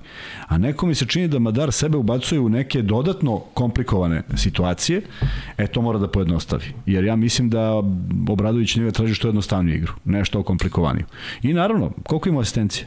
Jedno. Mora, mora, on mora da ima više, jer faktički on je jedini tu sad igrač koji igra na poziciji playmaker. Exum dve asistencije, Panter jedna, Nadžišić jedna, Lede ima Lede. četiri, da, Lesor ima tri. Pa to je da paradoks. Je to nema... nešto što treba ne da zabrine, nego to nešto što se dešava tako jednostavno, ono što se mm. pričamo IT jednostavno se namesti tako, ono što pričamo da se nekada lopte odbijaju jednostavno tako, pa onda deluje kao da neka ekipa na, više skokova. Znaš u kom segmentu se ne namesti, jer ako, ako, ako, ovaj, ako ti uzmeš uh, u obzir da je Panter sam sebi napravio 15 puta poziciju, onda je to ipak igra koja i nema mnogo asistencije neko voli ovako, neko voli onako, neka ona bude ovaj, dovoljno ubitačna, pa neka bude kakva god, ali slaž, složit ćeš se da je lepše kad ta lopta ide, pa vidiš neku lepu asistenciju, pa uh, asistencija je asistencija je pokazati da igraš slobodno, da igraš, da igraš, da znaš šta radiš, da znaš gde lopta ide, da znaš gde je igrač. A ovako kad su malo stisnuti, kad sve ide igrom 1 na 1, otuda, koliko je ukupno asistencija? Ima 15? Nema. E, ukupno 3, 7, 10, 14. 14. Da. Mislim, jako malo za jednu izuzetno kreativnu ekipu, ne mogu da, da kažem, znači mora da bude više prosto. Žalgiris imao više asistencija, sam Evans imao 9 asistencija. Pa ja, pa to ti kažem. Da. A Ulanovas imao 5. E, to polazi od sigurnosti, znači taj Madar kad da siguran pas i kad je ovaj u poziciji, to mora bude pravovremen pas, ne možemo da ti daš pas kad god ti padne na pamet. Tako da to su stvari koje se takođe uvežbavaju. I za kraj Papa Petru, Vanja, e, vidim da ovde mnogo ljudi komentarišu, tebi zamolio da staviš pol, da li treba imati strpljenja za Papa Petru, a e, stavi da ili ne, mene baš zanima u kom pracu će ići. Kuzma, nekako delo da je on najveće razočaranje od svih pojačanja Partizana i mi smo ovde govorili da od njega očekujemo najviše, da, međutim da, da, njemu da. kao da je potreban neki period adaptacije, dakle on nije ni blizu onoga što je što je igrao u Panathinaikosu. Ne liči na sebe uopšte. Baš nesiguran, dakle da. kad šutira vidi se da je baš tegnut njegove lopte, video si kako se odbijaju i to nije jedna utakmica, nisu tri utakmice, to je otprilike sve što smo videli do sada. Ne znam, ne znam, mislim prvo prvo da da da da nema istu poziciju ne znam da li ima istu poziciju, neću da razmišljam o tome, ali sam ubeđen da čovek koji ga je pozvao u klub zna šta od njega treba da dobije i mislim da bi to trebalo da radi, ali video si danas čak i neke zicere neobjašnjivo kratko šutne. Da. li je to stegnutost, da li je to onda napravi korake u nekom prodoru, onda ne znam, sve nekako, sve nekako u kontraritmu. I to... Nemoj, izvini, ovo prvi uh, angažman van Grčke. Pa, Koliko je tebi je, bilo teško je, kada odeš negde? U, mnogo je teško bilo. Sve, je li tako? Jezik i pritisak? Mm, ne, ne, ne, shvatanje košarke. Mm. Prvo ti si tamo, sve i ja. Kao što sam se ja osjećao kad sam igrao kod nas, u koje god ekipi sam igrao, ja sam imao prilično dobar osjećaj. Igrao s ovima ili s onima, s boljima, lošima, s kojim god, imao sam dobar osjećaj. Kako si otišao, ti si, ti si u fokusu.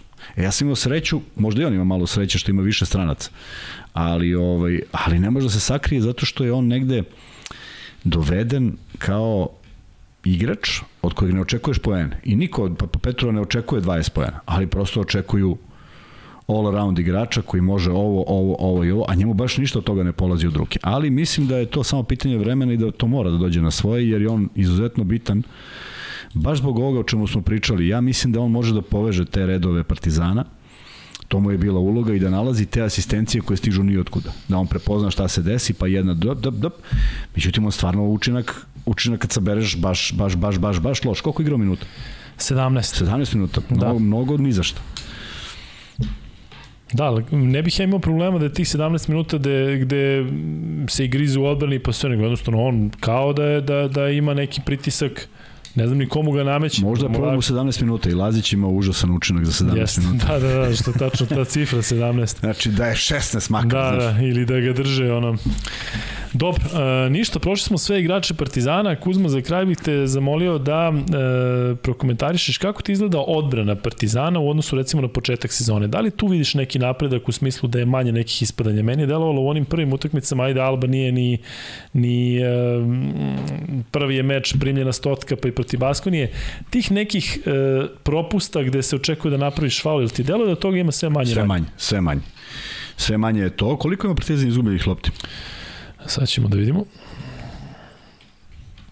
Partizan, danas izgubljenih lopti, ova, ova, ova Evo Ligaška je 13. 13. Da. Opet veliki, ali smo, osam. osam. Ali videli smo jednu vrlo bitnu razliku. Nije bilo jurcanje. Ono što ja volim da, da ovaj, što ja ne volim kada neko igra prebrzo. Dakle, nije bila ni jedna kontra 1 na 4, nigde, nigde nije bio. E, bio je Madarov šut. Madarov šut za 3, posle dobre odbrane. Kad uđe, ja mislim da bi 300 njih palo sa tribine, ali kad ne uđe, desi ti se minus 5. Jeste. E sad, šta je vrednije? I tu Madar mora da nađe taj moment. Ma da li je zaista iz punog trka šut nešto što... Ja, ako on to vežba, svaka mu čast. Ali što je najgore, on to radi. I u HPL-u je radio, i u izraelskoj reprezentaciji, i prošle godine u Partizanu e, se dešavalo e, da pogodi. Sad kad pogleda ovaj snimak, šta treba da uradi sledeće? Da stane na loptu i sačeka bolju akciju. I sigurnije poene. Jer igraš protiv ekipe koja igra na mali broj poena. Koja igra jako teško dolazi do poena, jako teško im daješ poena Jeste, lepo je da igneš publiku, lepo je da postigneš trojku, lepo je da se malo odlepiš, ali je vrlo rizično. I seti se, ako možeš, ja sećam momenta, ne znam proti koga, Zvezda kada Holand šutira za 3 na 21 razlike i dolaze na 2. Šta je značilo ta besmisleno šutnuta trojka. Ko je bio? Nek nas neko podsjeti, pošto ljudi bolje pamte od mene. Ja samo znam da je bila utakmica. Može da bude ozbiljan početak loše serije, tako? Da. Tako je nešto tako kada ideš... nešto se desi i odjednom da. babara. Tako da, ovaj, a nek se neko seti kad je Hollins opalio trojku iz kontre i sve otišlo u bestraga. Holland ili... Hollins, Hollins, prošle, prošle godine. godine. Da, da, prošle godine. Pun trk. Pa to je da. Monako. Je li Monako? Je tako? Pa je li ja, ja teo da kažem neka francuska ekipa. nešto sa strane. Sa strane jest, i diže se bez razloga Monako, da, i da, da. odjednom sve u I onda na kraju... Jedva preživeš. Prema da. tome, to su neke stvari koje su to nepisano pravilo mnogo bolje sigurnije kad si vruć, kad je to četvrta trojka, kada si ti siguran, kada je to samopouzdanje koje puca. Ja često puta da kažem, ovaj, kad, kad sam imao poverenje svojih saigrača, ma bre šta god šutneš ti deluje da ulaziš, jer ti znaš da oni veruju. Postoji da. neka energija koja tu loptu bre vodi u koš kad ti imaš to samopouzdanje majke. A kad ne ide, pa joj, E, znači, ovo, ovo, ovo, je, ovo nije Madarova, možda i ne treba da bude Madarova igra. A znaš koliko bi on porastao u očima mnogih da je to bio op, namesti je da će da šutne, ovaj mu prilazi, a on, on u kontraritam ili prodre, pa neka asistencija, da. pa ti kažeš vidi ovo čita. Jer to je vrlo bitno da čitaš, a ne da ti sad opališ kad si sam, nije to baš neka mudrost. E, Vanja, možda zatvoriš ovaj pol, ostaćemo još kratko na Partizanu pre nego što pređemo na Zvezdu. E, 86% kaže da treba imati strpljenja i baš mi je drago da je taj proces. Tako je, to je divno. Apsolutno se i mi slažemo. Vidim da ovde pomenjuju Sofoklisa, Skorcijanidisa i Papa Petrua, pa se priča o tome da možda Grci nisu baš ovaj, e, rođeni pod srećnom zvezdom kada treba da igraju ovde kod nas, ali dobro. E sad, dok sam ja pauzirao, imao sam mnogo vremena za razmišljanje. Tako da sam uh, razmišljao o tome, uh, o čemu smo i mi pričali mnogo puta ranije, šta je potrebno Partizanu, stalno govorimo o tom uh, poziciji play, poziciji centra. Mislim da je pozicija playa nešto gde ipak treba da se dovede neko. Kuzme, se slažeš? I to da se možda potpiše neko na dva meseca dok se ne sačeka Aleksa Vramović. Da li da vidimo... Partizanu Exum, za koga i dalje ne znamo da li je ono, može da bude siguran od početka do kraja na jedinici, Madar koji ipak struje i nesiguran je, Aleksa koji kad se vrati, pitanje je kakav će da se vrati, da li je Partizanu neophodan još jedan play za ovakvu Euroligu? Ja imam, ja, kažem ti kada kažem, razmišljao sam, imam ideje. A imaš ideje? Imam ideje ko da? Uh, kada saberemo sve igrače, mislim da nedostaje neko ko će odmeniti Lesora. Ili nedostaje životinski raspoložen Balša Koprivica. Ali ako njega nema, ovaj će čovjek biti u problemu. Jel ti je Smajlagić spreman neko ko bi mogao tu sa Lesorom on bi da mogao, on bi mogao, da. Spreman on bi mogao, u formi, da, tako? u punoj formi, on bi mogao, niža petorka, ali sa jednim dobrim gabaritom i jednim, jednim, jednim dobrim intelektom u odbrani. Dakle, nije on neko ko ne kapira i ko ne bi mogao da se razumemo, ako sa telom koji ima Mitrović može da napravi ozbiljan problem peticama, može to i Smajlagić, naročito što za razliku od Mitrovića čak ima i bolji šut za tri, pa kad izađe napolje to može da bude ozbiljan problem. Prema tome, zašto da ne? Zato kažem, kada pogledaš ceo sastav, ovo mi više nedostaje, a u suštini, kada pogledaš osim Madara, nijedan igrač nije klasičan playmaker. I svi su nekad igrali neke kombo varijante, pa čak i on je igrao neku kombo varijantu i pitanje je koliko on sa pregledom igre koji ima, mislim da bi morao da bude bolji, mislim da bi morao da on pronalazi neka rešenja. E, aj, vratit ću se na nekoga ko, s kojim igrao večer, proti koga igrao večeras. Koliko si puta video zamišljenu akciju Žalgirisa koja se znala kako ide i Lekaviću, Lekaviću sa koji ide na levi ulaz? I odjednom se cela odbrana koncentriše tamo i on se okrene iz skoka i napamet baca na 45 stepeni. Pa to je to. Gde zna da će neko Gde zna da, će neko da bude. Tako, e, to mora Madar da čita. On mora da zna šta se dešava kad on zabije ovde, to mora... Kažem ti opet vreme... Ima veze sa skautingom ili sa osjećajem ili kombinacija toga? Ima, ima, ima i osjećaj, ima i, sa, i koliko igraš sa saigračima, koliko si ti u petorci s njima, koliko si vremena proveo, koliko ti kad... kad znaš ono, desi ti se par puta baciš pas i od tri pasa on tri puta tamo i ti shvatiš, ok, opa, to, on je stvarno tamo, nije to bilo jedno. E, to su neke stvari koje moraju da se čitaju. I ono što, što, sam, ti, što sam pričao i što sam spominjao, otvaranje između dva igrača nije toliko jednostavno. Jer da jeste, pa svako bi znao da se otvori. Znači mora nađeš gde, gde je taj moment kad ti vidiš svog playmakera, ti si video sekund napred gde on završava i gde je rupa gde možda prođe lopta. Da li on možda je doda, to je druga stvar, ali ti mora budeš na tom mestu. Kao što je bila ona utakmica, više se nećem koja, ali neko je zabao, mislim da je Zvezda igrala, neko je zabao uz out liniju i nije bio čovjek u ćošku. Sad znaš si nerazumevanje mene koji treba da stojim u ćošku šta radi moj playmaker. Ozbiljan problem. Da, da. To ne možeš ti nacrtati šta sad treba uzme time out i kaže, e, znaš, treba da stojiš ovde. Ma nemoj, pa to, to si valjda naučio. A očigledno nisi. E, pitali ste nas prošle godine i često ste i vi postavili pitanja ko, koja mi mislimo da su rešenja za Partizan, pa ja sam često maštao o, o Kampacu i o Dragiću, čuli ste naravno da se oglasio i menadžer Kampaca koji je rekao da to nije realno. Meni je žao zato što vidim da za njega nema interesovanja u NBA ligi, vidjet ćemo u kom pravcu ići njegova karijera, naravno Dragić je već uveliko u Čikagu. Međutim, prošle godine kad ste pitali, ja sam pomenuo to ime DJ Coopera koji igra za Nes Zionu. To je jedan ozbiljan playmaker koji gleda isključivo uh, prema saigračima, koji je levoru, koji je nezgodan, koji vrši pritisak onako na, na prenosu. Iskusan je, pametan i uh, razmišljam kakva bi bila on opcija, kakva bi bila opcija za Partizan recimo na dva meseca da se proba, dakle ne do kraja sezone i uđem na sajt da vidim kako igra u posljednje vreme taj DJ Cooper koga stvarno I... gotim, prenosio sam ga prošle godine kada je došao, on je igrao u Ukrajini pa se onda iz Ukrajine prebacio kada je sve puklo tamo, prebacio se u Nezionu i neke triple dablove, ludila neka 13-14 asistencija i posljednje dve utakmice, ne znam da li je podatak tačan, gledao sam na Eurobasketu. Posljednje dve utakmice protiv Makabija 20 asistencija, protiv, ne znam, Elijata, Eilata ili već koliko 19 asistencija. 19 i po da. prosek. Dakle, momak je neverovatan i pritom je školovan igrač, bio je MVP e, francuske lige dok je igrao za Ortez, igrao je za Monako, dok je još rastao kao ekipa, mislim da su bili pre nekoliko godina u Evrokupu, dakle nije neko nepoznat koji bi sada bio eksperiment. Meni deluje recimo kao Dallas Moore, ali da više gleda ka saigračima i ne treba, mislim Partizanu, ako već dovode playmaker, ne treba neko ko će da uzme sad još, ne znam, ne znam, ne znam koliki broj šuteva. Tako da on mi je zanimljiva opcija, ali e, evo jedna bukvalno reality varijanta za Partizan.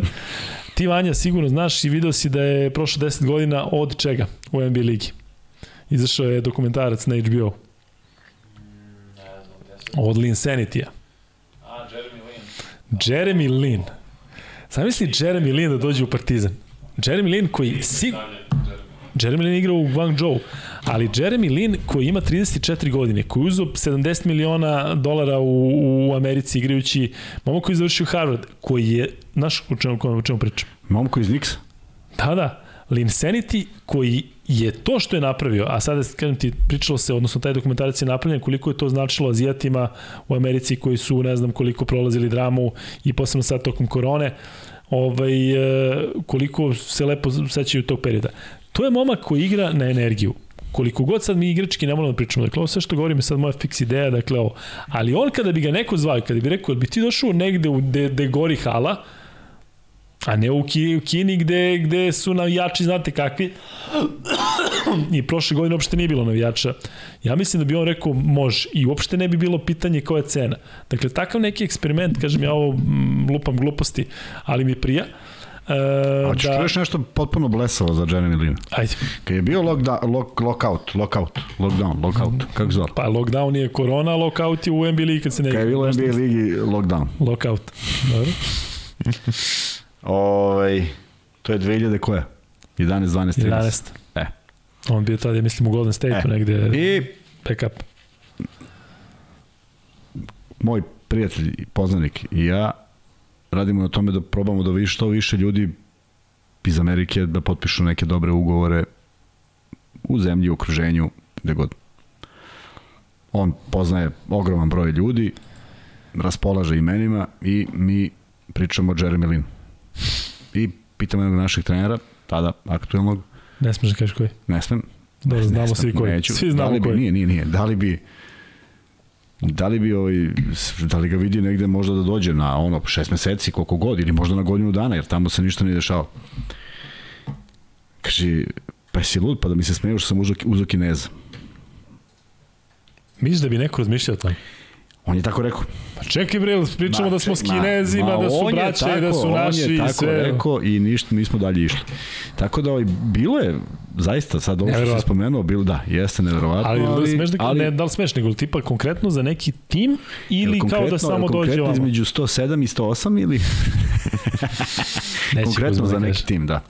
Ali nije sad ni važno to, nego je smešno zato nije što važno, je, pa sad ćemo da pričamo Smešno samo je zato što je ovaj zato što je u tom trenutku možda i bilo realno jer jer vidi ako ako ako ako naši gledaoci imaju razumevanja za Papa Petrova, ali neko je počeo da izbacuje to verovatno po Twitteru. I to se sad ganja do, do besvesti. Znači, postoje ljudi u koju to veruju. Postoje ljudi koji veruju da treba skratiti Balšu Koprivicu. U to sam uveđen. Ali prosto to ne je tako. Tako bi i ovi, kad bi ga videli ko Sokog, rekli, ko je ovaj? Znaš, koga dovede? A ne da je Boža promaši. Tada. Tada. Tada, da. Pa tada, da, pa da, ali, sada- ali, pa da, ali zamisli koji bi to bio Jest. pogodak, a? Da, kakav. Pa, pitanje je šta bi bilo u smislu, on, da li bi se snašao, kako Nije se on imao veliki ugovor, ja mislim da ga možda nije ni Ma potpisao. kakvi, on je bio Da. u Golden State-u, Pa pa je to bio na, dvo, na ovom, To u je njihovom to. Santa Cruzu Možda bi se on opredelio da dođe Jest. trčeći. Pa da.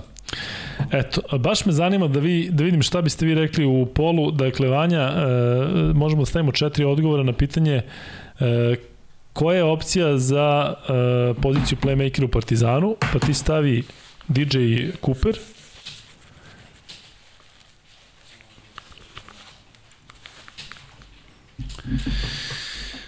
Koja je opcija za poziciju playmakera u Partizanu?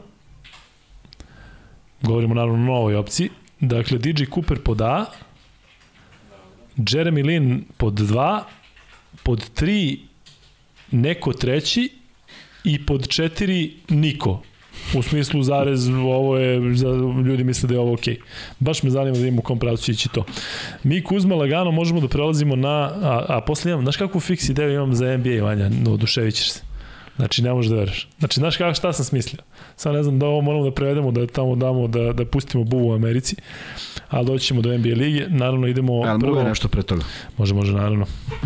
Ček samo da setim šta. Da, stiže informacija da Bentil ne igra Jeste, jer je korona, pozitivan da. na koronu, Piše ovde naši. što će biti veliki problem ako je istina. A možda zaraze još bar trojicu i da se otkaže. Četvoricu. Koliko je teško pričati o tome u smislu da ništa ne, ne znaš. Ne znaš da li tokom noći mogu sutra ljudi da budu Da. pozitivni da se sve Da. otkaže Da. ili ono se. Da. Ali, Ali to pouzdano. Vidimo da ovde ljudi koji... Ne znam, nadam se da nije, zato što je Zvezdi potrebno da igra u što boljem sastavu. A ne čekaj, da da se, bude... ili, ili imaju oni sad testove za koronu ili ovo? Imaju. Zamisli, zamisli ovaj, sad pred Španiju da bi ušao u Španiju, dalje se kori, traži test. Da, pred Španiju, to smo pričali. Zanimljivo. 1250 ljudi u live-u, Kuzma. Koji su to majstori? Neviđeni. E, samo ćemo kratko da prođemo mečeve koji su danas odigrali, odigrani u Euroligi. Olimpijakos Monaco u reprizi prošlogodišnjeg četvrtfinala. samo da malo, da, samo ih pomeri, ali nećemo dugo, da. Da, da, Izuzetna, izuzetna 76-81. utakmica, da. Si gledao? Malo sam gledao, ali I, jel, bilo nešto vidim na kraju hvale Jamesa, samo sam Pa, pre nego što sam ušao u... Nema koga drugog, ali, ovaj, ali treba pogledati utakmicu i nisam stigao da gledam celu, da vidim kako je to izgledalo. U ostalom, hoću i ove sve završnice da vidim. Da. I apropo tih utakmica, ja ću samo da, da se prebacim na Valenciju ovaj, i, Be, i Albu. Albu, da vidimo kak, koji je recept našla, našla Valencija. Znači, vrlo me zanima šta se to izdešavalo. Opet to nisu toliko loši procenti Albe koliko, koliko je Valencija tu bilo ubedljivo da vidimo šta su našli kao rešenje. Bilo je nerealno onih njihovih 3-0 ovo bih rekao, Albini. Je li tako? Dakle, u smislu, dakle, znali smo svi da će u jednom trenutku krenuti da, da, da padaju, ja sam sam mislio koji će to biti trenutak i ne bi me iznenadilo da oni tokom Euroligi ili evo već sada uđu u neku opet seriju poraza Vrlo moguće. 5-6 kao prošle godine. Sećaš Taj način igre zamara mnogo. Da. E, kada kažeš ko je ovaj, tu šta uradio, treba reći da je Dubljević odigrao fantastično, Da. da je imao 16 pojena i 7 skokova. Da. E, prelazimo na meč Makabi Panathinaikos 85-74. Kuzma, e, Panathinaikos Delo loše, da ih jedan Makabi pobedi, mislim ja stvarno nemam ništa protiv Makabi, ali ako je negde treba da tražiš pobedu, to je protiv Raštimovog Makabija na početku sezone sa 6000 stranaca. Jeste, ali ja sad opet da, da, da ne bude da ja to nikad ne iznesem kao ovaj, temu, opet izuzetna partija Lorenza Brauna i dalje nisam ovaj, fasciniran, ali apsolutno 22 poena i 6 skokova, šest 9 skokova, devet asistencija. asistencija, nije to lako napraviti. Očigledno da mu je prijalo sve ovo letos, očigledno da se osjeća kao vođa ekipe, očigledno da ga ne zanima šta drugi tu nešto misle i mislim da kad je na parketu zaista donosi ogromnu razliku. Sa druge strane, u Panatanikosu tek sad, posle svega ovoga, se vidi šta je Zvezda izgubila tim porazom, jer je vrlo lako mogla da dođe do njega. Jedan haos koji verovatno nastaje mnogo pre nego što je Dejan Radović došao dole, jer to je ekipa koja nije, nije mogla da stekne pobednički mentalitet apsolutno u poslednjih nekoliko godina. Nije baš da su se promenili svi igrači, ali neki igrači jesu tu, međutim cela ta atmosfera oko kluba je jako loša i žao mi što su rezultati takvi, a ne mogu da kažem da sam očekivao nešto strahovito drugačije i mogu zamislim koliko je Dejanu teško, ali to je deo posla i uh, ja ne vidim način kako ko, ko, ko to od igrača da preuzme i da se da se digne jer uh, Ja ti delo da bi Baconom moglo nešto da se promeni? Pa ne znam, ja mislim da bi sa Voltersom već bilo drugačije zbog toga što on apsolutno zna šta radi i prošle godine u Zvezdi bio zaista jedan od uz, uz, uz Kalinića, neko ko je stvarno diktirao tempo igre i, i videlo se da zna čovek gde se nalazi, šta radi, šta igra i ostalo. Ali kad već nema takvih, onda je sve, sve problem i, i neverovatno lagana pobeda Makabija u suštini. E, posljednji meč koji je odigran, to je taj koji sam prenosio Real Virtus, zbog koga smo i kasnili danas. Dobra utakmica u smislu napadački, dakle jedni i drugi su imali periode kada su bili šuterski ulo raspoloženi. 92-95 na kraju Teodosić koji je prelomio meč šutem uh, za dva i onda sa dva lagana penala. Teodosić koji je na kraju imao više postinutih pojena nego odigranih minuta. Dakle, Virtus se diže. Rekao bih da, da i baš su i oni pričali u izjavama onim nakon meča da im je to bilo potrebno posle ovakva dva Naravno, poraza. i posle dva da, poraza. I to jeste odlika velikih ekipa, tako? Jeste, ali samo da imamo gde su sada. Zato što se ne, nešto neverovatno dešavalo na toj utakmici. Ja sam malo dok je Partizan išao pa prebacim. Ovaj, prvo sam vidio da je vodio Real i to nešto dosta. Pa, Da, vodili su sledeći 16, put da. preba, prebacio, odjednom vodi Virtus. I želim pogledam taj deo utakmice da vidimo o čemu se radi. Onda je Dek dao dvojku i bilo je 66-70 na semaforu. Vratio sam na Partizan i sledeći put kad sam vratio bilo je 67-82. Dakle, 12-1 je napravio Virtus u tom momentu. Pritom su vratili dva poena, sulude stvari su se dešavale, dakle neki koš je priznat, pa su ga onda uzeli, pa su odjednom dali poen Realu, dakle on čak ni ja nisam ovaj, uspio da ispratim šta su radili, ali e, da, bila je ozbiljna serija e, Virtusa.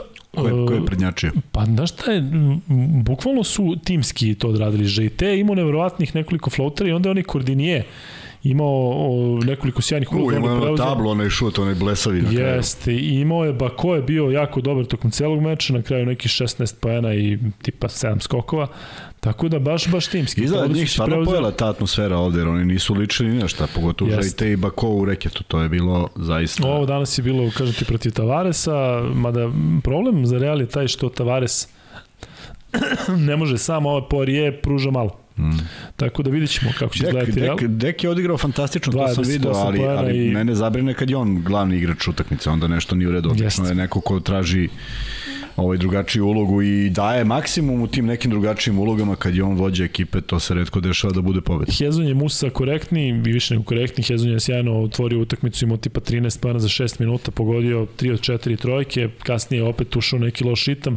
Musa toliko lako stiže do koša, oni njegovi uh, prvi i drugi korak, dakle, kao baletan, cap, cap, dakle, evo ga na polaganju, tako da pratit ćemo Ali i njih. interesantno je 95 poena protiv takvog Jeste. tornja kao što je Tavares, da, da, Da, da ipak da. neko uspe da postigne toliko poena, ne znam. Zabrinjava i jako loš položaj na tabeli u suštini. Jeste. Dva, tri imaju sada jedni da, drugi. Da. E, ništa, prelazimo dakle na Zvezdu i prelazimo na ono što Zvezdu čeka sada već i danas, obzirom na to da smo ušli u petak. Dakle, mnogo zavisi od toga da li je Bentel zdrav. Ispostavilo se da je on u ovom trenutku jedan od najkonstantnijih, od yes. možda i najkonstantnijih jeste, zvezda. Jeste, sigurno. Najkonstantniji, najviše pruža, najbolje rešenja ima. To je malo za više od ovoga što je Zvezda uradila. Ja i dalje stojim iza toga da je to moglo da bude 1-3 u nekim normalnim okolnostima, sve preko toga bi bilo veliko iznenađenje. Otuda i smatram da podrška Jovanoviću kao čoveku koji nema neki naročit kiks. Dakle, ovo nisu tri gostovanja, nisu kiksevi koje je Zvezda negde zabeležila pred početak sezone. Ali sad dolazi oni poraz od Panathinaikosa. Pa od Panathinaikosa, da. I tu sad sad fali taj jedan igrač. Samo da je mogao da zarotira još nekoga na spoljnoj liniji. To Jel taj igrač Nedović, kao što svi očekuju da jeste? Da, naravno da su sve oči uprte u njega, ali ako on stvarno bude sutra zaigrao, a ako nema Bentila, on bude morao, to znači da možda bude ima i veću minutažu, što već u startu ne valja, jer to ne izađe na dobro nije to tako lako da se sa tom željom i sad željom da budeš vođa ekipe i osjećaš da treba budeš vođa ekipe iz, iz, iz ni iz čega vratiš u Euroligu. Valjda se vratiš u neku utakmicu ABA lige koja padne na red pa malo malo odigraš, ali ajde da verujemo da Nedović trenira sa ekipom i da to što će odigrati sutra da je to već pokazao. Bilo bi jako dobro ako nedostaje Bentil, a i ako je Bentil tu, da Nedović bude na parketu, da se vidi kako funkcioniše sa Vildosom. Vrlo lako se obojica kreću kada su u dobroj formi. Vildosa ima neverovatan radijus kretanja. Jako, jako lepo i elegantno to sve izgleda i vidu si kako se lako diže na šut, to ima i Nedović. Ali... A ti delo da se Vildosa ovako adaptirao na sve. Ona prva utakmica da je lutao sa nekim svojim idejama i sa traženjem rešenja prema igračima, sve će to biti bolje. Meni deluje kao čovjek koji ima ogromno samopouzdanje. I to je već nešto što mi, da kažem, uliva poverenje. Zato što jednostavno gledao sam Adamsa, gledao, gledao i očekuješ nešto da se desi, a ne desi se ništa. Pa makar i loše nek se desi, ali da vidiš da, da nešto želi. Prema tome, mislim da su ga malo rano otpisali, Uh, Govoriš o Adamsu. O Adamsu. Da li znamo njegov status? Ne znam, šta ne znam, kažu da traži novi klub, ali ne bi ga tako lako otpisao iz prostog razloga, naravno ako se sad desi da, na primjer, Bentil ne može ili bilo šta, ili Nedović nije dovoljno spreman. Pa bio bi mi u rotaciji. Nikad ne znaš šta iz toga može da izađe, uh, ne moraš da ga koristiš ne znam koliko, ali baš da, da, da posle četiri kola, ovaj, opet, Jovanović zna više nego mi na tom treningu i verovatno gleda ga svaki dan mnogo više nego mi da bi stekao taj neki utisak da li tu ima nekog povratka ili nema. Imao je bilo, bilo igrača kod kojih povratka prosto nema, da li on jedan od njih vidjet ćemo, ono što su pisali nisam čuo zvaničnu informaciju, mahom pišu, pa ne znam ko piše i ne znam koliko je to verodostojno, ali Zvezdu sutra čeka pakleno teška utakmica jer mora da se dobije. Ovo je prva utakmica da mora. Nijedna druga nije možda morala, Ova sada već mora zbog nekog mira u kući, zbog neke pozicije da kreneš ka sredini tabele i da se umešaš, jer opet će biti prilično čudan raspored i posle sledeće, posle sutrašnjih utakmica. Neće tu sad biti mnogo odskakanja ako se dese neke stvari koje mogu da se dese i koje su realne da se dese. Ovaj, biće tu gužva i bit će gužva do samog kraja i deluje mi da će ovo biti zaista ozbiljna, ozbiljna konkurencija nekih 12 timova za tih 8 mesta ali do toga ima još dosta. Zvezdi treba malo bolji raspored koji će doći u nekom momentu, ali moraju da ga dočekaju spremni i da pobeđuju utakmice koliko god bili desetkovani na domaćem parketu. Dolaze i Bayern, koji je u jednom trenutku pretio da preuzme onu floskulu, to jest onu čuvenu izjavu pomozi mi centarfora engleski. Lineker. Lineker, da. Ne, kako beš? Pa, futbal je da, da.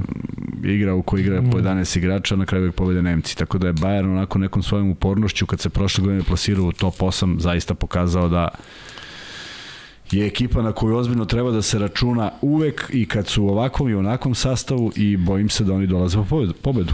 A, koliko iznenađuje to što i Zvezda i Bayern su jedini u stvari timovi koji imaju 0-4? Ne mogu da se, mislim... I to što kažeš, to je, dakle, ipak ne možemo kažem biti ili ne biti, ali mora da se dobije. A, vidio sam bar dve utakmice Bayernove kod kuće, ne znam protiv koga tačno da mogu da se zakunem, ali onda znači da su imali za nijansu lakši raspored, pa jeste iznenađenje. Dakle, i oni imaju imperativ da pobeđuju te utakmice kod kuće, makar su imali dve. Zvezda protiv Armanija i protiv Barcelona.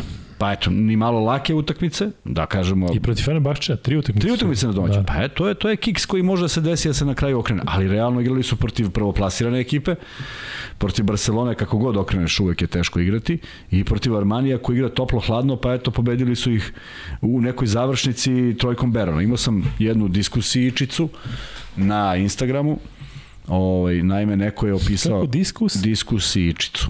To je sad... Izgleda. Mala diskusija. Da ne kažem raspravu, nisam imao raspravu, ne, redko se raspravljam. Kaže, o, jesi gledao posljednji šut Berona? Ne. E, ali imamo pol, ili imamo prostor za pol? Imamo, čekaj da samo zatvorimo ovaj. A, ajde, ajde zatvori ovaj peču. E, da vidimo samo šta kažu za, ajde. za playmakere Partizana, da im koliko Lin. Lin 26%, Niko 30%, neko treći 22%, DJ Cooper 21%. Kako sam pol dao, sve onako ko... Pa ne, Izjednač... ostane još. da, da. E, cepi pol.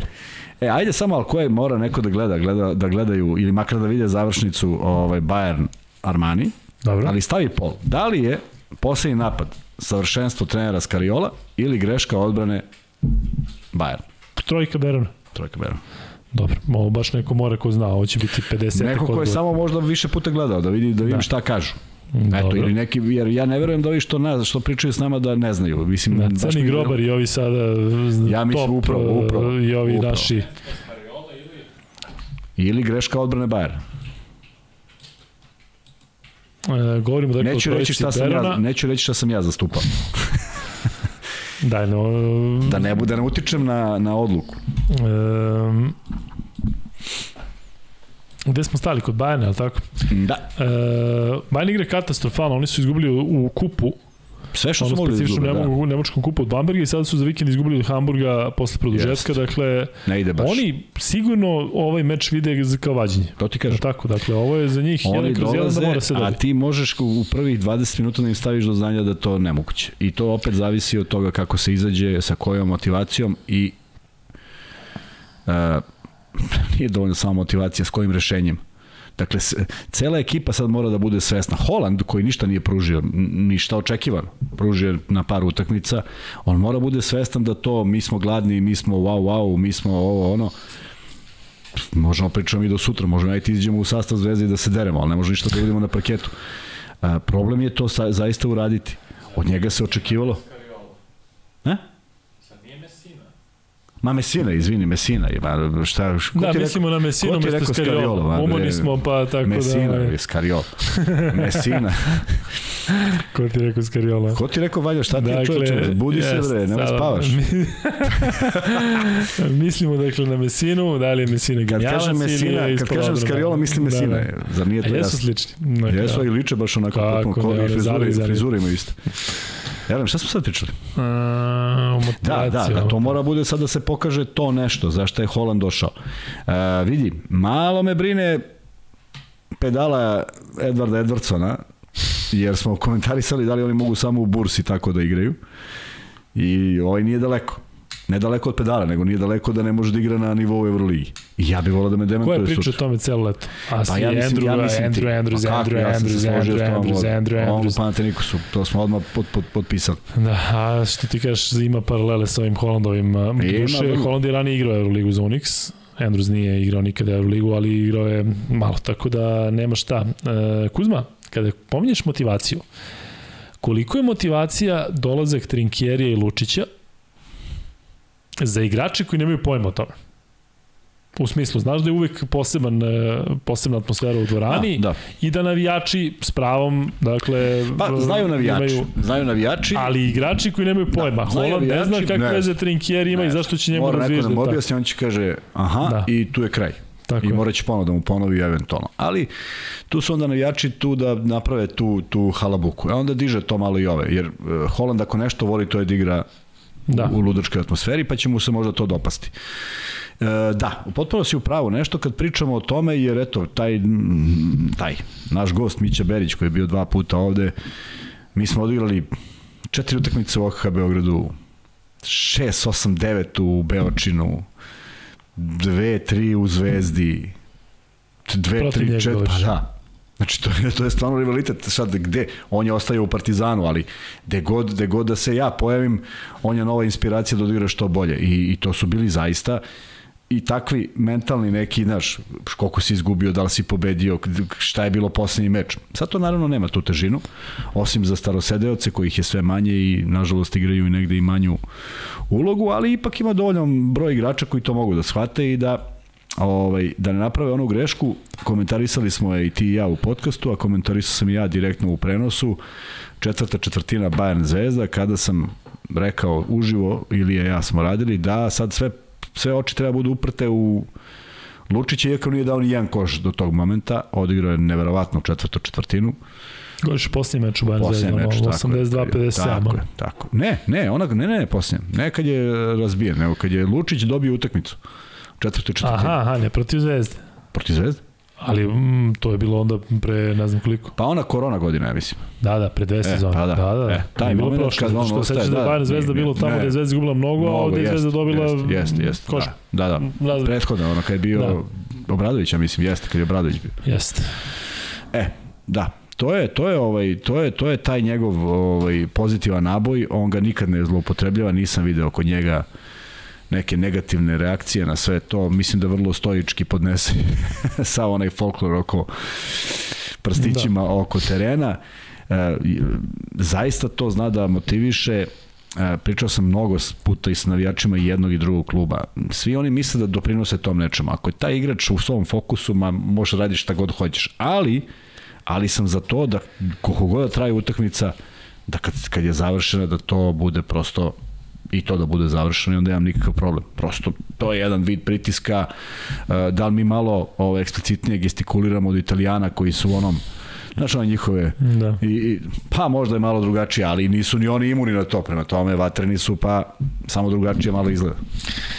Kuzma, pošto Bentil, ajde da verujemo da je, da je ovo sve tačno, da ima koronu i da neće igrati, a jeste se pozicionirao kao neka najsigurnija opcija, ko je zamena za njega. Pominješ tu da je recimo Adams u rotaciji, ali treba sad tražiti nekoga da iskoči sam po sebi ili treba nekoga onako ciljati, e daj, preuzmi ti. Ognjene, sad ti moraš bolje zato što ovog nema. Ili Hasane, mora, znaš šta. Jako je teško zato što ovo je, ovo je čovjek koji šutiruje i trojke i dao Zato i kažem. I dao mnogo poena ispod ispod reketa. Čak po mom ukusu bi trebalo i više još, još ispod reketa da ubacuje sve te igrače s obzirom da se u, velikom broju slučajeva dešava da ga čuva niži čovjek. A, naravno nema svaki igrač koji znaš to ljudi malo pobrkaju kad vide takvu grdosiju pomisle da on zna i da voli da igra leđima ima prosto ljudi koji to ne vole i beže iz, iz reketa koliko god veliki bili ima neki koji imaju 90 kg i samo se šibaju dole tako da je to neki stvar nekih afiniteta, karakteristika, temperamenta, čega god, ali nedostaje, nedostajeći igra u tom slučaju u oba pravca. I, i sa trojkama i iz reketa. Ko to može da nadomesti? Ko je u šutu? Na poziciji 4. Da li sad, da li sad grunuti Dalibora Ilića i reći aha, evo ga, Bayern, ovo moramo da dobijemo, samo da igraš najbolje. Pa nije to rešenje. Ko drugi? Martin Eširi, Nedović ako ne bude igrao i ne bude u svom elementu, ne širi ni on, opet ne može da igraš sa toliko niskih igrača. Je li sada vreme da možda Holand se istakne? Ma jeste, ali vreme je i kada je Bentil radio ovo što je radio, pošto su obojice bili u petorci, ima dovoljno prostora na toj drugoj strani. Tako da ne znam, ozbiljan je problem kad, kad izostane neko ko je sad trenutno u najboljoj formi. A, Meni se čini da je, da je moment takav i da se Los adaptirao da će on sutra da, da on će, preuzme. On će, on će da, apsolutno da... da preuzme, ali pitanje je koliko on fizički može i koliko, Jasne. koliko da ne uđe u neku minus fazu. Jer i on će čuti da je utakmica biti ili ne biti. I možda igra pod nekim stresom koji, koji još nije e, ni, ni, ni shvatio da treba da ima. I još jedan veliki problem koji mi se onako od, od samog dolaska Raduljice, naravno, ja smatram da ljudi u klubovima i svi znaju mnogo bolje da šta rade nego ja. Ali kako se izgubio Kuzmić? Mislim, Da, gde je on? Ne se zna. Čekaj, jel on, ja kapiram da je on u timu, on je pored klupe. Je tu je, on fizički da, je tu. Da. da. Ja znam da mu ne odgovara protiv svake ekipe da igra. To je sigurno.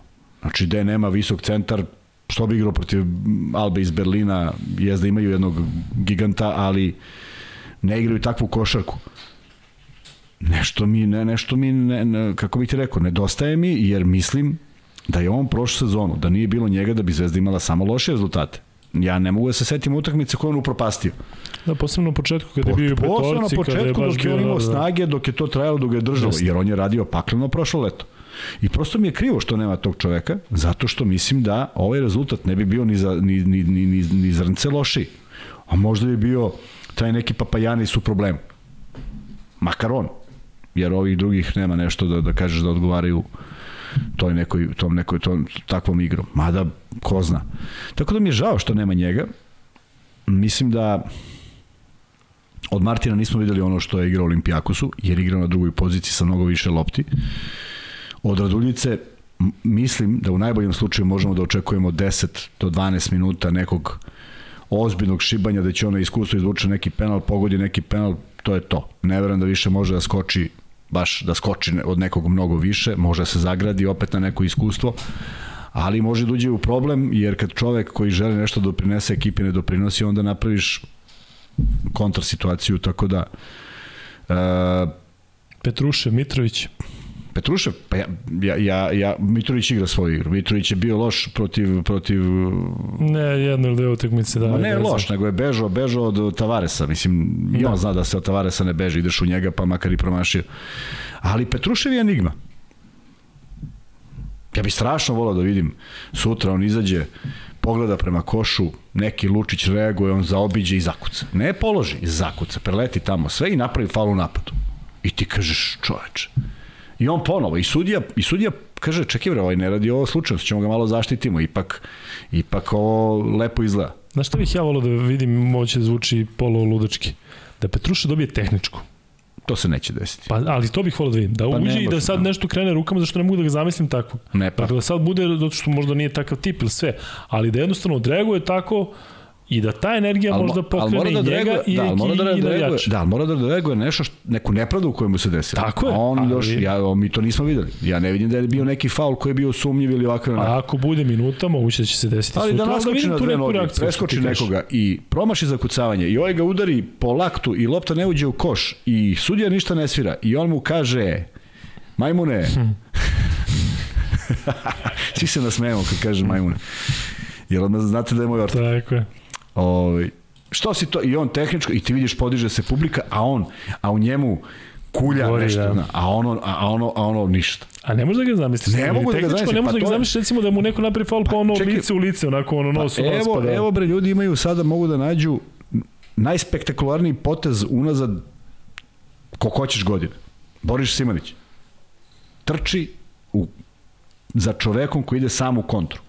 I lupa mu pa- bananu. Pa i otrčava u napad i zakuca. I kamera ga snima, ništa.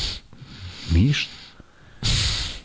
Sada bi, kad bi mu neko rekao izmena, on bi otrčao da ne, ne bi rekao... Nastavi bi samo. Pa da, ne bi rekao zašto, znaš, ne bi ono bilo kao, ili moguće. Ne, ne, izmena, okej. Okay. Idemo tuširanje, čekaj, čoveče, malo daj. Jel treba naći Mora neku, neki, neki balans, zato što pa smo za Vramovića da rekli da preteruje. Pa kako da, naravno, ne tad ideš u ekstreme. I ovo je ekstremo vamo, ovo je ekstremo nam. Da. Ali prosto, ja sam znao da opsu. Sad se nije bilo kamera koje te snimaju, inače delovi ili krajnje besmisleno. Ne, nešto te ne ide, ne ide, ne ide, pa kad pukne odjednom uđeš u neku seriju, pa... Ali sam šutirao i ja, koji sam vrlo miran, šutirao sam i bočice. Šutirao sam kada mi čovjek pokaže izmenu, I ja ovako stojim, ja preokrenuo ceo rezultat i stojim ovako i razmišljam koga sada menja. Tako da i to mi se dešavalo. Izađeš iz igre, ne, nije ti jasno. Onda kad se utakmica završi u minusu, stvarno ti nije dobro. Koliko si šutnuo flaš? Pet. Ali na istoj utakmici, istu flašu. Pa isto, ne, bile su, bile da. su one, bile su one, izo star bočice. Da. E, Vanja, zatvorio ovaj pol, pa da se vratimo još malo na zvezdu. Skariola stoji dalje.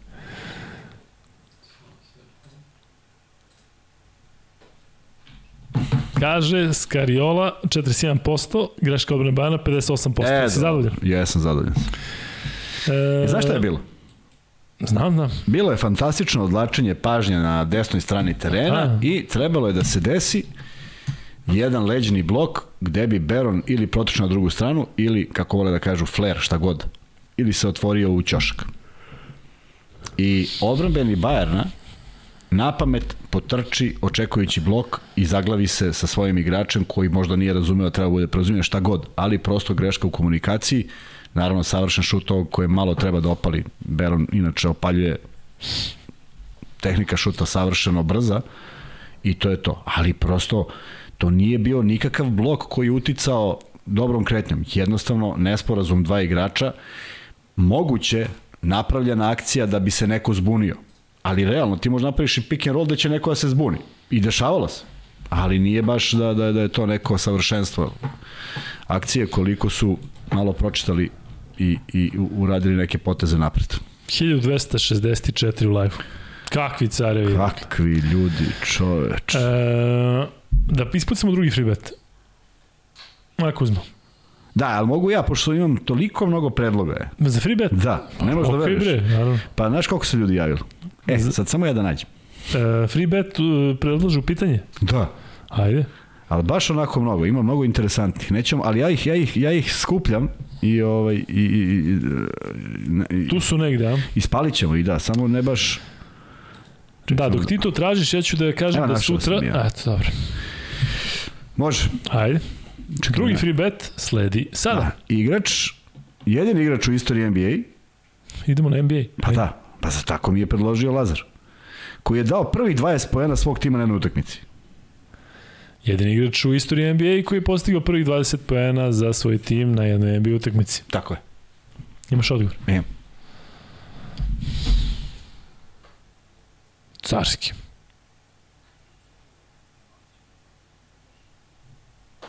Lepo. Eto. Dakle, čuli ste drugi free bet. Evo, krenut ću brzo ako gleda. I kažu, kažu Panter, nije. Lida je dao 12. U sad kad izbaci oko dik, dik, dik, dik. NBA igrač koji je dao 20 poena svojih prvih. Jordan nije, Iverson nije. Stojaković jeste. Bravo. Dobar, dobar, dobar bre, evo. VV. VV pošalješ uh, MaxBet ID na uh, Instagram Luka i Kuzma. A šta misliš da nije možda to neka fora kao ide da ja pošaljem pitanje, onda čeka i Jeste, onda... čeka i onda baš... Da, i hiljadarka cap. Bravo, odlično je pitanje. E, vidit ćemo da treća onda bude bar u vezi zvezde. Free bet, ako nađeš Kuzma neku u vezi zvezde, imali smo jedno Partizan, imali smo jedno NBA, pa možemo i zvezdu kasnije da... Pa Stojaković je nekad igrao za zvezdu. E, kao junior, tako? 76, on je Staktijević. Ko je bio što? Nešćem se. Baš je bio mali, velika mlađi, da. razlika, da. da. E, Kuzma? Znaš ko je bio junior? Smo rekli da je Radmanović bio junior kad sam ja bio u Zvezdi. Rekli smo. E, smo Radmanović je bio junior. Pa da jeste I on je bio i on je bio da, i on je bio a, Rako, Rakočević je ušao u tim pre dve godine. A on je sledeće sezone posle tvoje u Zvezdi, on je imao ona kucanja protiv Partizana, jeste, ona letenja, jeste, ono razvaljivanje. I otišao već vrlo brzo. To je ta jedina njegova da, sezona u Zvezdi. Da, da. da, da. E, Kuzma, ajde malo o navijačima. Ajde. Zašto deluje da je nekako pala energija kod navijača Crvene zvezde. Da li je to uh, neko zasićenje, da li je to ovih 0-1, 0-2, 0-3, 0-4, ali ja se plašim da bi mogla sutra da bude prilično onako dvorana, da ne bude puna, da ne bude to ta energija. Jel su navijači svesni koliko su potrebni zvezdi, posebno u ovakvoj situaciji? Vidi, imaš, imaš ozbiljnu, ozbiljan broj ljudi koji zvezdu, za zvezdu navija i kad je dobro i kad je loše i kad je ovako i kad je onako. I imaš one koji navijaju samo kad je dobro. I imaš one koji stalno žele da je loše. Ima tu različitih kategorija. Ali ja ulazim, ne kažem u rat, ne ulazim u rat nikada, nego prokušavam da objasnim sa, samo sa aspekta zdravog razuma. Zanima me svi oni koji sad imaju neku primetbu, a mogu da ih imaju, ne kažem da ne mogu, usmerene su u potpuno pogrešnom pravcu. Naprimjer, jedna, jedan, jedan od pravaca je Vlada Jovanović. Ja stvarno ne znam šta je trebalo čovjek da uradi. Da li je dorasto, da li nije dorasto. I on očekuje tu svoju prvu pobedu. Neko je počinjao i na, ranije kao mlad pa dobio šansu, ali on nema kompletan tim od početka sezone. I to nema glavnu zvezdu tima. Jer šta god pričali, kogod je došao, kogod kako, previl dose, dakle, ja mislim da je Nedović, da su njega uprte sve oči. Nedović je trebalo da igra evropsko prvenstvo i nema ga mesec dana od tog momenta. To znači da je ta povreda definitivno ozbiljnije prirode. Pitanje je šta ako on ne dođe. Evo, ne igra sutra protiv Bayern. Ili se povredi ponovo. Ili ko zna šta. Šta sad Vlada Ivanović treba da uradi? Pritom i Nedović kad se vrati, neće to biti Nedović koji će da bude Ili Pentel sad ima koronu. I Vlada Ivanović treba da uradi šta? Evo, dao sam pitanje dok nisi bio tu. I ti mi odgovori na to pitanje. Skariolo je evropski prvak. Do juče, do danas imao 1-3. Šta, šta on sad tu treba da uradi? Ne, ne, ne daje dovoljno dobre... Skariolo ima 20 godina iza sebe. Iza sebe. Tako. I ima 1-3, a Vlada ima 0-4, on ima 1-3, ima jednu pobedu više, sad banalizujemo, ali tako? I šta je, to sad kao je uspešan, a on je evropski prvak. Prosto ima ekipu koja to može, imaš ekipu koja ne može, imaš ekipu koja uči, imaš ekipu koja se našla, imaš hiljadu faktora koji na to utiču. A treba uh, navijači da imaju neku adresu na koga su kivni ili ne treba da imaju nijednu? A, a navijači mogu da imaju adresu uvek kada vide da ekipa ne igra energetski dovoljno dobro. Znači kad ne daju sve od sebe. I imaju, mogu da targetiraju igrače i nemam problem s tim. Ali mi je mnogo veći problem kad targetiraju Lazića sa svim svojim košarkaškim znanjem, kakvo god ono bilo, i Adams. Nije, nije me u istom košu. Da li me razumeš? Da. Apsolutno mi nije u istom košu. Pa nisu sa poređenjem. Pa, upravo to, upravo to. Ni igrački, ni što upravo se tiče to. šta su značili klubu. Upravo Čovjek to. odigrao tri utakmice, odigrao ceo život. Tako je. I onda, znaš, malo, malo, malo se to sve zaboravi. Ne kažem da neko treba da živi na staroj slavi. Ali ja potpisujem da je čovek koji će uvek biti spreman da igra sa svojih 100% laći. Šta god to 100% značilo. I ja to poštujem da li bi ja voleo da, on, da je on baš taj ovakav sada u mojoj ekipi, ne znam. A da li bi ga voleo inače u njegovoj karijeri? Bih. Ali možda i on u padu forme, što on ne sme da bude u padu forme. I onda, i onda, se, i onda se kreće u neku, neku šalu, pošalicu koja nema mesta jer ovo je prilično ozbiljan posao i to krenu ne iz protivničkog tabora, što i mogu da rade, nego krenu navijači zvezde. I onda slušam prepucavanja navijača zvezde jer oni sada jednostavno ne mogu da prihvate tako neke stvari, naročito oni koji vole zvezdu zbog same zvezde. A i naročito sada je poseban, ja mislim, odnos kada je Partizan vezao dve pobjede. Da, e, i sad, da, e, šta sad? E, sad je gotovo. I sad kreće ono, go, kraj sveta. Čekaj, čekaj, stan. Prvo, to nema nike veze. Znači, prvo, duga je liga. Drugo, pa negde smo se stvarno nadali da ne budemo, ono, da nas kao srpske klubove baš svi ubijaju. Partizan imao kudi kamo lakši raspored i bolje odigrao, de facto bolje odigrao. Dakle, ne može da mi neko kaže da protiv Baskonije nije igrao bolje nego Zvezda protiv Baskonije. Prema tome šta tu odigrali jedni i drugi protiv iste ekipe. E, ali ima još vremena da se to da se to dovede u red. Ili možda nema, ili ćemo opet gledati neku sezonu. Ali šta mi tražimo od Euroligi? To je ono moje stalno pitanje. Partizan, Partizan ove godine, ja mislim, traži da se zapamti njihov povratak u Euroligu.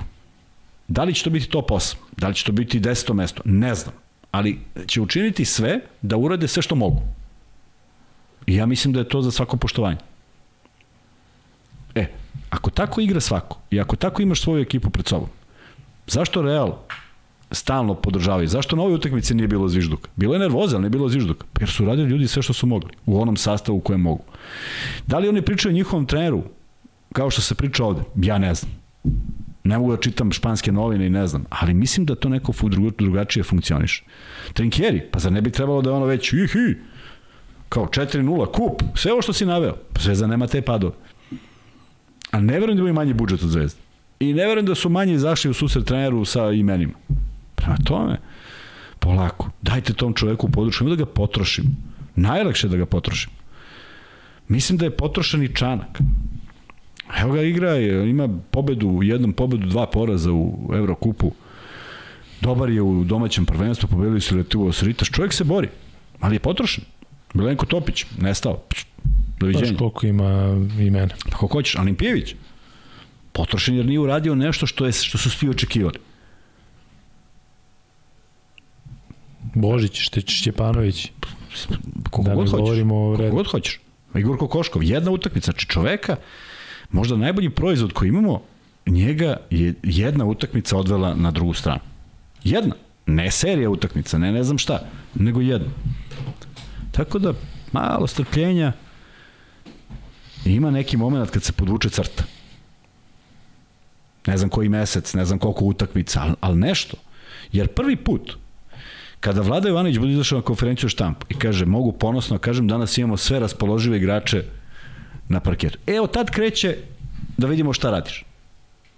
I tada neće Vlado Jovanović moći da nacrta akciju, bolje od toga da nacrta da Nedović ostane sam u ćošku, da se Nedović digne, šutne i promaši. I šta uradi Vlada? Šta, šta uradi? Šta uradi Željko kad neko napravi nešto što nije tražio? Šta, zaboravio da vodi, da, da, da, da, bude trener? Pa nije, prosto igrač ne može to da uradi. I tako dalje. E, Jer pišu da filozofira. ne, nego ja razmišljam da li Zvezda u ovoj situaciji bi trebalo da uh, igra u areni ili ne, šta misliš? Ne. Ne, je tako? Dobro. E, što se tiče Zvezde, to bi u suštini bilo to, dakle ispričali smo sve na neke kombinacije, što se tiče njihovog protivnika Bajana, dakle izgubili su čet, sva četiri meča u Euroligi, igru loše i u domaćem prvenstvu, tako da su prilično ranjivi u ovom momentu i bit će to duel dve ekipe koje zaista, kao što je Kuzma i rekao, jesu u situaciji da ovaj meč jednostavno mora da se dobije. Tako da, to je to što se tiče Zvezde. Sutra još igraju, Kuzma da prokomentarišemo kratko, Efes Fenerbahče, dakle veliki turski derbi. U, to je ozbiljno. U ozbiljnom baš... momentu dolazi, da, u ozbiljnom momentu za Efes. Da, da. Za Fener samo jedna utakmica, a za Efes sada to već predstavlja malo ozbiljniju da, priču. E, Asfal Baskonija, Asfal koji je potpisao e, Aleksa Tajusa, e, bit će to isto zanimljiv meč, a još zanimljiviji će biti oni koji će odigrati Barcelona i Armani, to je meč od 20.30, dakle taman kada otprilike Zvezda završi, posle možete to da gledate i to je duel koji će zatvoriti ovo peto kolo. E, I tu ćemo mi zatvoriti priču o Euroligi. Kuzman, se slažeš da smo rekli u suštini sve što smo imali ili imaš da dodeš još nešto, pa možemo lagano da pređemo na NBA, pa Čekaj, free da bet, pa da lagano završamo. Ako hoće, možemo još malo o Zvezdi da pričamo u smislu da... Ne, ne, ne, sutra, sutra i onako se uključujemo posle utakmice. Da, to da kažemo, dakle, uključujemo se malo više posle utakmice zato što Zvezda igra od 19. Od 7, da. Pa, a mi moramo da sačekamo naravno drugare iz 99 uh, yardi, što znači standardni petak 0015, gore dole, da, bićete obavešteni. Da, bićete obavešteni na, na, na, na YouTube-u i na Instagramu. Izvini, i sutra ćemo vam reći u petak, dakle u petak u ovom podcastu kada budemo odjavili Zvezdu i najavili ABA ligu, reći ćemo vam kada ćemo biti dostupni, odnosno kada ćemo biti za tu varijantu viđenja i druženja sa vama na sajmu u hali, koja je hala? Hala 4 ili imaš neka odrednica u smislu neki u Hala 4 to je prostor Infinity Lighthouse-a, odnosno štan Infinity da. Lighthouse-a i tu ćemo se družiti sa vama za vikend, a u petak ćemo reći tačno kada. E, Kuzma, ili imaš nešto ili da pređemo je Vanja malo na NBA ligu, ako je Vanja raspoložen da ovaj mikrofon njegov aktivira? Pa ajde slobodno, mogu ja samo dodim nešto da vidim tamo šta ima. Gde dodiš? Pa tamo da kušam. Čekajte bre, ide do obojica odoše. Vidi ga Vanja. A on se nije priključio. Da, e pa onda ću ja kažem nešto. Ja sam vidio da su Lakersi, ja sam vidio da su Lakersi i Zvezda na 0-4, što ima neke paralele. To mi je skrenuo pažnja naš gledalac. I kaže tu sad se čeka start. Imam ja fenomenalno Mislim da Zvezdi može još da dođe. Ali kod Lakersa teško. Mrka kapa kod Lakersa. Uh, Denver je pobedio Lakers-e, uh, Vanja, dok se ti spremaš, ja ću da iščitam rezultate, dakle od sinoć 103-92 pobjeda Clevelanda protiv Orlanda, Detroit Atlanta 113-118, čekamo naravno i dalje uh, Bogdana koji i dalje Vuče, dakle, tu muku sa povredom nekako mm, treba, kažem, ako već govorimo o razumevanju, treba imati razumevanje za njega. Milwaukee, Brooklyn 110-99, posle preokreta, Milwaukee pot, pot, potvrdio da je u ovom trenutku bolja ekipa. New York, Charlotte 134-131 posle produžetka. Izgleda da se Jalen Brunson baš lepo uklopio u ekipu, pričat ćemo i Vanje o tome. Toronto, Philadelphia 119-109, Chicago, Indiana 124-109, Minnesota, San Antonio 134-122, Utah, Houston 109-101, Denver, LA Lakers 110-99 i Portland, Miami 98-119. Vanja, Lakersi ti deluju kako? Da li je ovo iznenađenje, te muke grozno. koje imaju? Je to, Apsolutno grozno. Ali to je otprilike nastavak one prošle sezone, tako? Nije ovo je ovo ti onaj nastavak koji gori od uh, prvobitnog filma, znaš. Da, da, sequel. Tako je, mnogo, mnogo gore. I sinoć Lebron je izgledao totalno pasivno. Ima ono jedno dobro kucanje, ja? Pa okej, okay, da, ali... Nedovoljno, da. Šutira 9 od 35 za 3. Lakers se šutiraju najgori ikada poslednje prva četiri meča, mislim, to je... Ne razumem, nekako, htio sam da razigram druge, ne znam ko je drugi da razigraš. A šta je sa Davisom? Jel treba više o njemu da pričamo nego Westbrooku? Pa i treba i ne, opi i on je nešto kao malo povređe, malo nije. Ja sećam pre dve godine on je realno stavio Jokića u džep u onom bubble playu. Da, da, ono, sa onim Sada? šutem, onim posebno. Nema, ne može da čuva Jokić, nebo i zemlja. Ne, Da, da, ne vraćam četiri godine za koje niko nije živ, pomisli da je Davids loši igrač od Jokića ili da će biti loši. Ne mogu se porediti. Bukvalno ne mogu da se porede. Davis, ja ne znam, ono je stvarno trag, tragedija.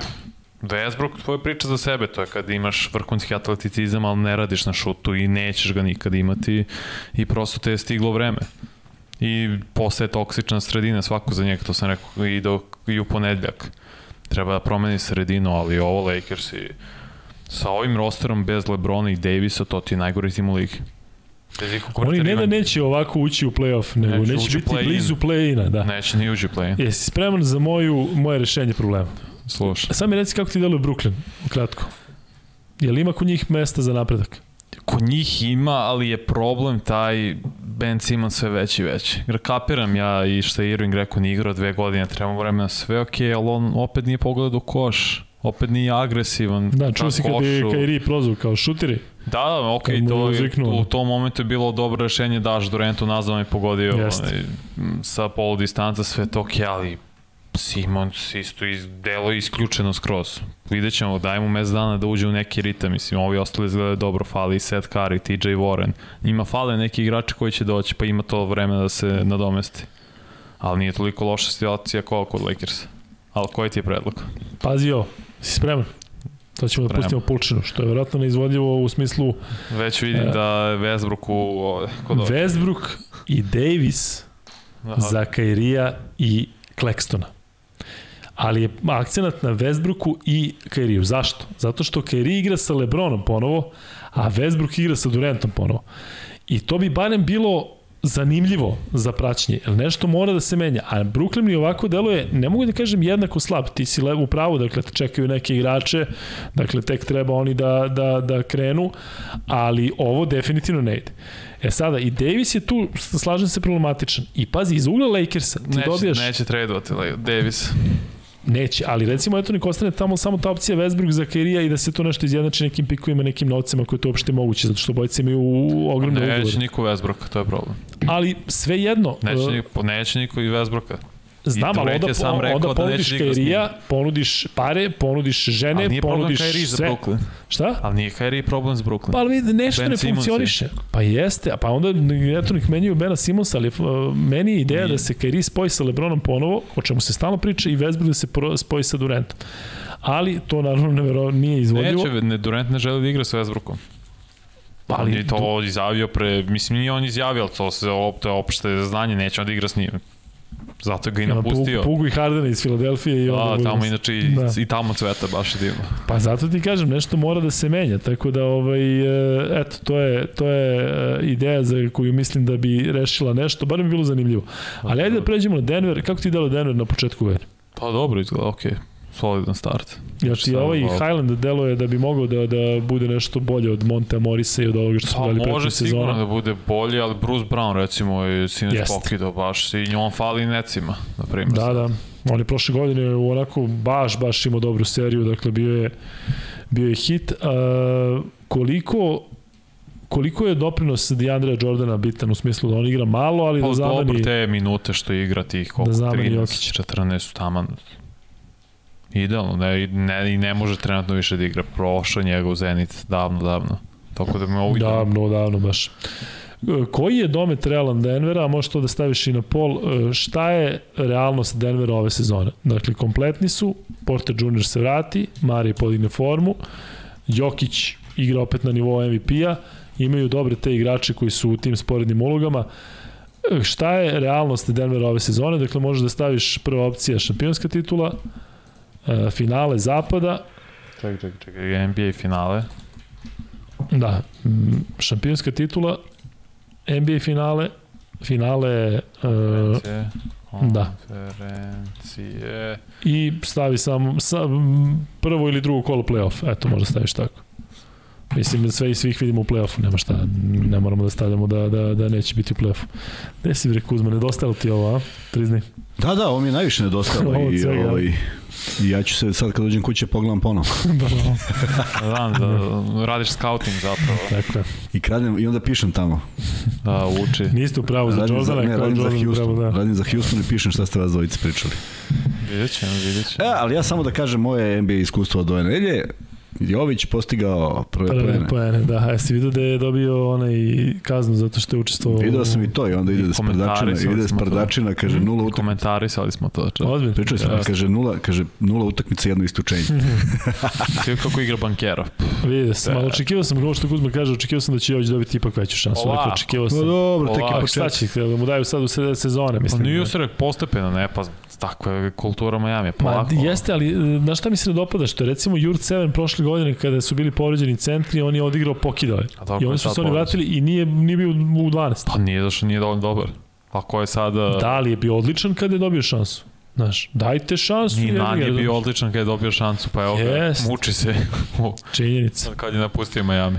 Um, Vanja, što se tiče Denvera, dakle šta misliš ove sezone, dokle bi mogli? Pa mislim da je realno neko finale konferencije. Nemaju oni krila, krila vode lige. Ligu trenutno. Nemaš ti nijedno ko je kao Kawhi Leonard, kao ko je Paul George. Pa dobro, to je baš je daleko, Znam. odnosno visoka lestica, ali ne, ne, meni Aaron Gordon deluje kao neko ko je tu Pa, onako ozbiljan. jeste neka light varijanta, ali Da. Neće Aaron Gordon da dođe i da uradi to na kraju meča, što će naravno. ovi da uradi. E, pritom kada pominješ Clippers-e protiv Oklahoma bez Kavaja i bez Georgia, ono je takva bulja ekipa, dakle da je neprijatno. Pa ne, dakle ne možeš da Dobro, je veruješ prošlo je 12 sati. na šta Da, ono liči, dakle. Ba, kažem ti, neprijatno za, za, za, za praćenje, da te Oklahoma ponizi. Ajde, razumijem da igraš Šegla sa Oklahoma, loš ti je dan. I zato ne to volim se NBA dešavalo ligu. Pa svima, ali poslednjih par sezona prosto ih neko trese Da, totalno random, mislim, ali zato Janis je po, pokazao svim zašto je najbolji Jeste. igrač u ligi. E, Posljedimo da ostavimo pool, nećemo. Ovaj, Ko je da, li je, da li je Vanja u pravu kada kaže da je Janis posle najbolji četiri igrač? stavite. Jeste, jeste najbolji igrač na, oba, na obe strane terena.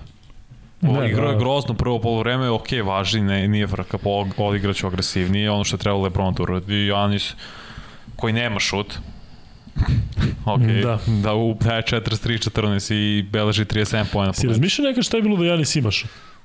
A? Da, beleži Bio bi najbolji svih 50. vremena, je li tako? 50 bi beležio, Da. ne bi bilo pošteno. Be.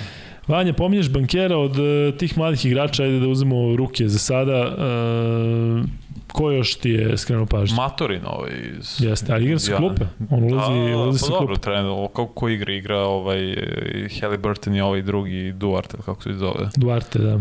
Tako da, ok, Matorin mi malo skrena pažnju, Ivy igra ok skroz. Jeste, ima dvocifren učenik uglavnom. Tako da, njih trojica, ali Bankero se vidi da je baš klasa i Jeste. klasičan poenter, koš getter.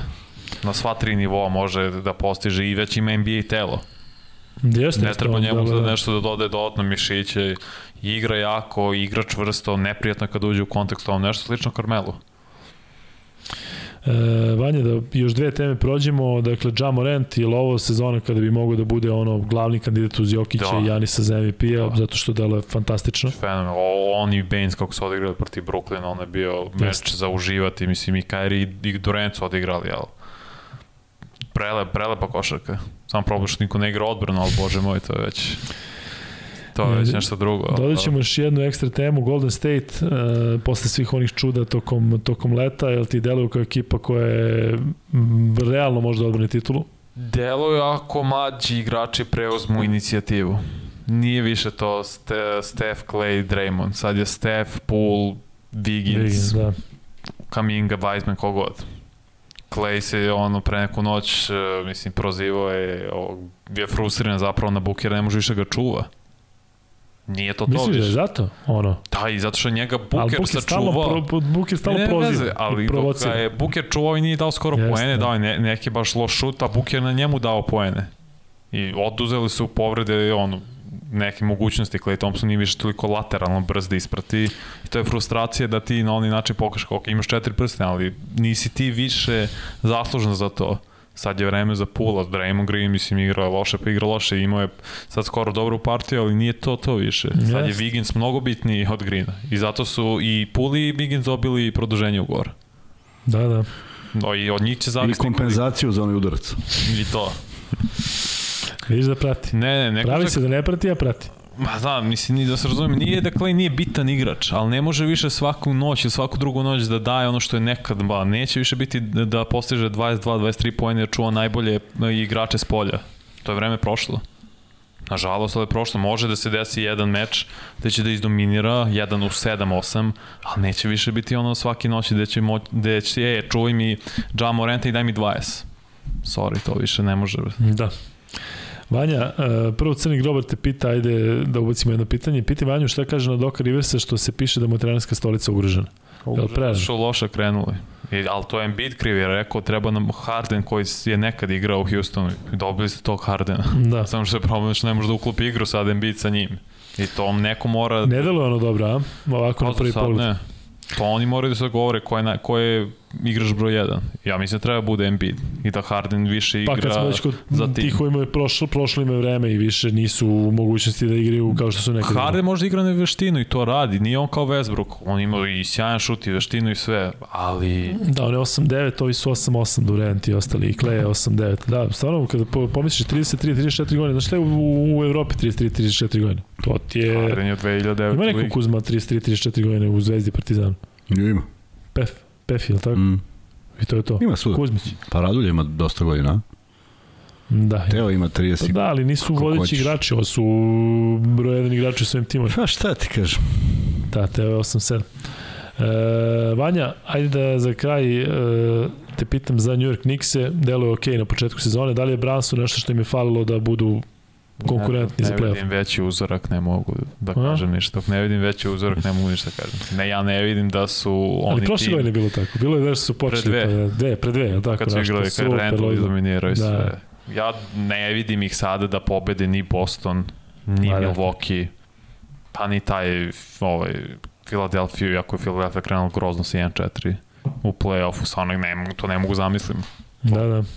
Vidjet ćemo do Božića i sve to njihovo katoličkog Božića 25. decembra kako će to da izgleda. Sad izgleda super, 3-1, fantazija. Pa. Ja obično na nekom većem uzorku od 80-81 utakmice već mogu da znam neke Ne stvari. 82, ja. Ne, 80-81. Ovo već, to je već na kraju. Ovo je, ovo je zanimljiv deo podcasta kada Vanja ne stavi kameru, kad nema kameru na sebi, onda on priča, ja gledam onako ti kao, dremaš. kao ono. Prvo da nađemo neki treći kadar, tipa pustimo nešto na Kuzmu kako nešto radi. Vanja, hvala. To je to što se tiče NBA i imamo još jedan free bet, tako? Hoćeš pol Vanja, samo da ugasi. Ugasi pol da vidimo šta kažu za Denver i Vanja, neko je ovde rekao kako ti imaš najbolje free betove, pa ako bi bio ljubazan da nešto smisliš, Ja sad nije trebalo nešto za zvezdu da bude. pa trebalo, ali ništa. Ja ne znam ništa za zvezdu. Tako, da- Ne mora za zvezdu, mora Kuzma za zvezdu. Mora. Onda smisli. Ne, šali se malo Kuzma. Finale konferencije kaže 47%, prvo ili drugo kolo play-offa 30%, NBA finale 13% i NBA titula 8%. Očekivao sam da će biti navijački više, ali dobro, Samo za ovo jeste što realno. piše da je Clay na um, limitu što se tiče minuta i bit će do kraja godine, zato što ne je bolje od Pula trenutno. Neće Da. igrati više od Pula jer fizički više ne može da igra na tom nivou, ali kako god. Uh, hoćeš pitanje? A, Hoću samo da kažem da je Marko Jeremić rekao pozdrav Luka, poslao sam Kuzmi zanimljivost, odakle nam dolaze igrači ABA Fantazija, možda bude zanimljiv podatak. Ne, Sam jeste, dobio? jeste, da. Ajde, Da, ti ali taman, čekam- taman Vanja možeš da ispucaš free bet pa dok čekamo odgovor da Kuzma Neka kaže da. nabroje jedine timove u NBA-u koji nisu imali pobedu do sada. Najbrite jedine timove u NBA-u koji nisu imali pobedu do sada, to je treće free bet pitanje. Koliko ima timova? Tri. Tri tima. Dakle, tri tima koji su trenutno bez pobede u NBA ligi su 1, 2, 3, bilo kojim redosledom i dobijete free bet. Tako da stiže odgovor B92. E, Kuzmo, ćeš ti sad da kažeš? U našoj ligi ima 106 timova za ABA Fantasy. Dobro, 82 ekipe su iz Srbije. dobro. 13 iz Bosne. 6 iz Crne Gore, 2 iz Slovenije, nema nikog iz Hrvatske i iz drugih država dvoje. Koji su to drugi, drugi dve države same to kopne? ali ta- Tanzanija i ne znam. Tanzanija i Tunguzija. Vanček, možda kažeš sada koji su to timovi, ja? A pogodio je prvi uh, Ilija Živadinović. Ilija Živodinović je rekao Lakers i Sacramento i Orlando i dobit će Imam ja četvrti free free bet. bet. Pa ja mislim da će čak biti to treći zato što je VV rekao neću ja free bet i ne znam šta. Imam ja četvrti free bet. I imamo i četiri, četvrti free bet. Zato što nas pozdravlja Aleš iz Slovenije. Kaže, pozdrav Dragom Kuzmi i Lukicu. Najbolji si. Lukicu, Lukicu a? Tako da znaš da si postao Lukica. Ali ima fenomenalno pitanje. Ajde. Kaže ovako, slušaj sad, pazi. Još jedan džabe free bet. 70, 97. godine. Jordanovi Bullsi su osvojili McDonald's turnir u Parizu. A u finalu su za Chicago postigli poene i igrači sa naših prostora. Koji? Znači dvojica. Da. Koji igrači Možda i su... više, ali dvojica. Koji igrači su sa naših prostora postigli igra, koševe za Chicago u finalu u Parizu 97. McDonald's lige, a finale su igli protiv Olimpijakosa. Je li tako? Da, Sve da, znaš. Vukčević, E, igrao, Vukčević Evo, čuvao pozdravljamo Jordana. Aleša koji nam je poslao ovo. Tristanov Ćale čuvao Jordan. Tristanov Ćale. Da, da. Dule. Tule čuvao Jordan, Jordan nešto kroz noge probacio ovako jedan, drugi, treći put, pa imao nešto frljoku neku na drugi obruč i tako. E, jel ti imaš tu? Ja imam. Igrači sa ovih prostora, Kukuč Rađa, Ne, pa šta rađa radi, da rađa? Kukuč Milan Tomić Rađa, Kukuč Rađa, Kukuč Rađa, Kukuč Rađa, Za Chicago. da, Kukuč Raja, Raja, Raja. Radmanović Ringe, Kukuč, teško Radmanović 97. Kukuč i Milan Tomić, A Milan Tomić igrao Olimpijako. Kukuč i Karlać, Karlać. Kukuč Vukčević, Biće ovo dug podcast. Tomić Rađa, Kukoč Gorenc, Gorenc, tako je. jeste? Jeste. Ko je to? Aleš. Gorenc. Aleš odgovori. da, bilo, bilo mu je dosadno tako. Kukoč Gorenc je dobra kombinacija, Jest, bravo jest. za, za taj e, za to pitanje. Eto. Sad još da nađem ko je to stavio. Boris995, Borise, pošalješ MaxBet ID na Instagram, Luka i Kuzma i sa 1000 dinara sutra odigraš Euroligu i vozi Miška. Ček, samo proverim. Ilija je pogodio malo prečas, je li tako? Životinović. Ilija Živdinović. Dobro, dobro. I VV je dobio onaj free bet i rekao da Ček, Ilija Živodinović i top. top da. I VV je rekao da neće, tako da su to ta tri free beta. Dobro. Ništa, da privodimo kraju momci, ušli smo već uliku u treći sat Jest. i mislim da je vreme da se lagano A vidimo se rastemo. već danas. To je te, ne vidimo se danas, sutra. Vidimo ipak. se sutra. Da, ipak sutra. 15 minuta kada uđemo sutra. A, hvala što ste bili uz nas. Koliko još ima ljudi? Ima dosta. 1169. Svaka čast, mislim, zaista Neverovatno. uživancija, da, da, da, da ne mora malo i da spavamo, o, mogli bi da nastavimo. Kaže Boris 995, braćilo može za Republiku Srpsku. Šta smo rekli, može ili ne može tamo?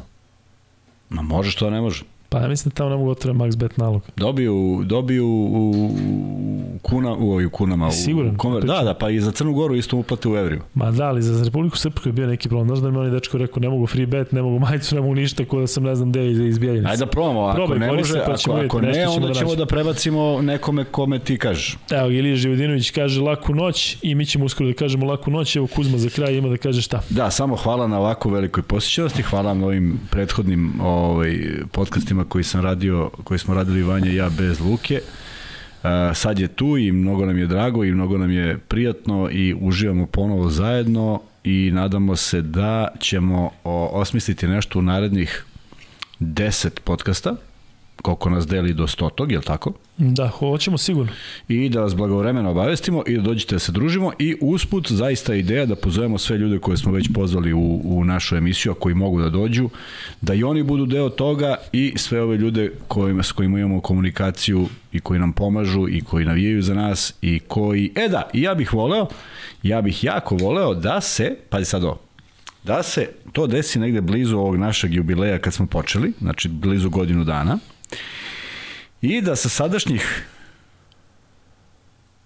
8000 Dođemo do 10. da dođemo do 10 u tom periodu. Znači, A imamo na šta bi mogli da ih pozovemo da u ponedljak dođemo do 9000? 8615. Taman negde će da bude blizu 9000 pa onda zajedno da uđemo u 9000. E, to. I da mi negde uspemo da do stotog ili možda Da, da, baš za vreme stotog uđemo u 10.000. To bi neko bilo genijalno. A jel ti je uh, jači jubilej 22. novembar ili 100. podcast? 100. 100. podcast. Tako. Znaš zbog čega? Zašto smo ovaj, napravili 100 emisija. Mi saista nismo sanjali kako će ovo ići i, i, i nisam verovao da ćemo stići do 100 za manje od godinu dana.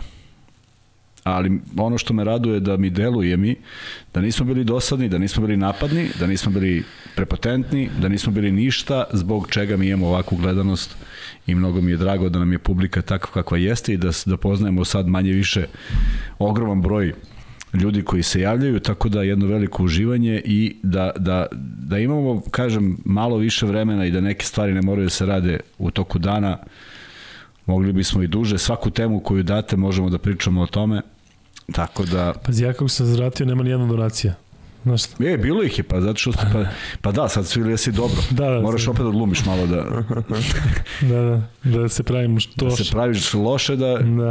A, ko je, je li Čira slao za limune, je li? Yes. Jes, Čira je slao da ti kupujem limune, kaže da jesam. E... Nešto sam napravio ovde pometnju, VV je rekao da hoće free bet, a Mili Gnjatović je rekao, vidiš da je Luka omašio, ja sam odgovorio pre tebe VV, on nije video, ja sam napisao VV free bet, ja nemam bak za nalog, ovo će sad ode Daleko. duboko u noć, tako da momci ako bilo nekih grešaka ne zamerite, ali Vidimo ja sam se, mislim da je VV bio ovaj prvi. vidimo se za manje od 24 sata. Vidimo se za manje od 24 sata, mnogo mi je drago što smo svi opet u ovom broju. Dakle, sutra pričamo o Zvezdi koja će igrati i odigrati meč protiv Bajana. Možete Kuzmu da gledate i slušate i na sport klubu i u studiju pre i posle, tako?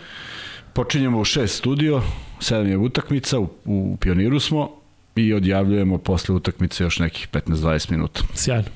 Mi ćemo naravno sutra u tom podcastu koji bi trebalo da počne oko 00.15, bit ćete obavešteni kada.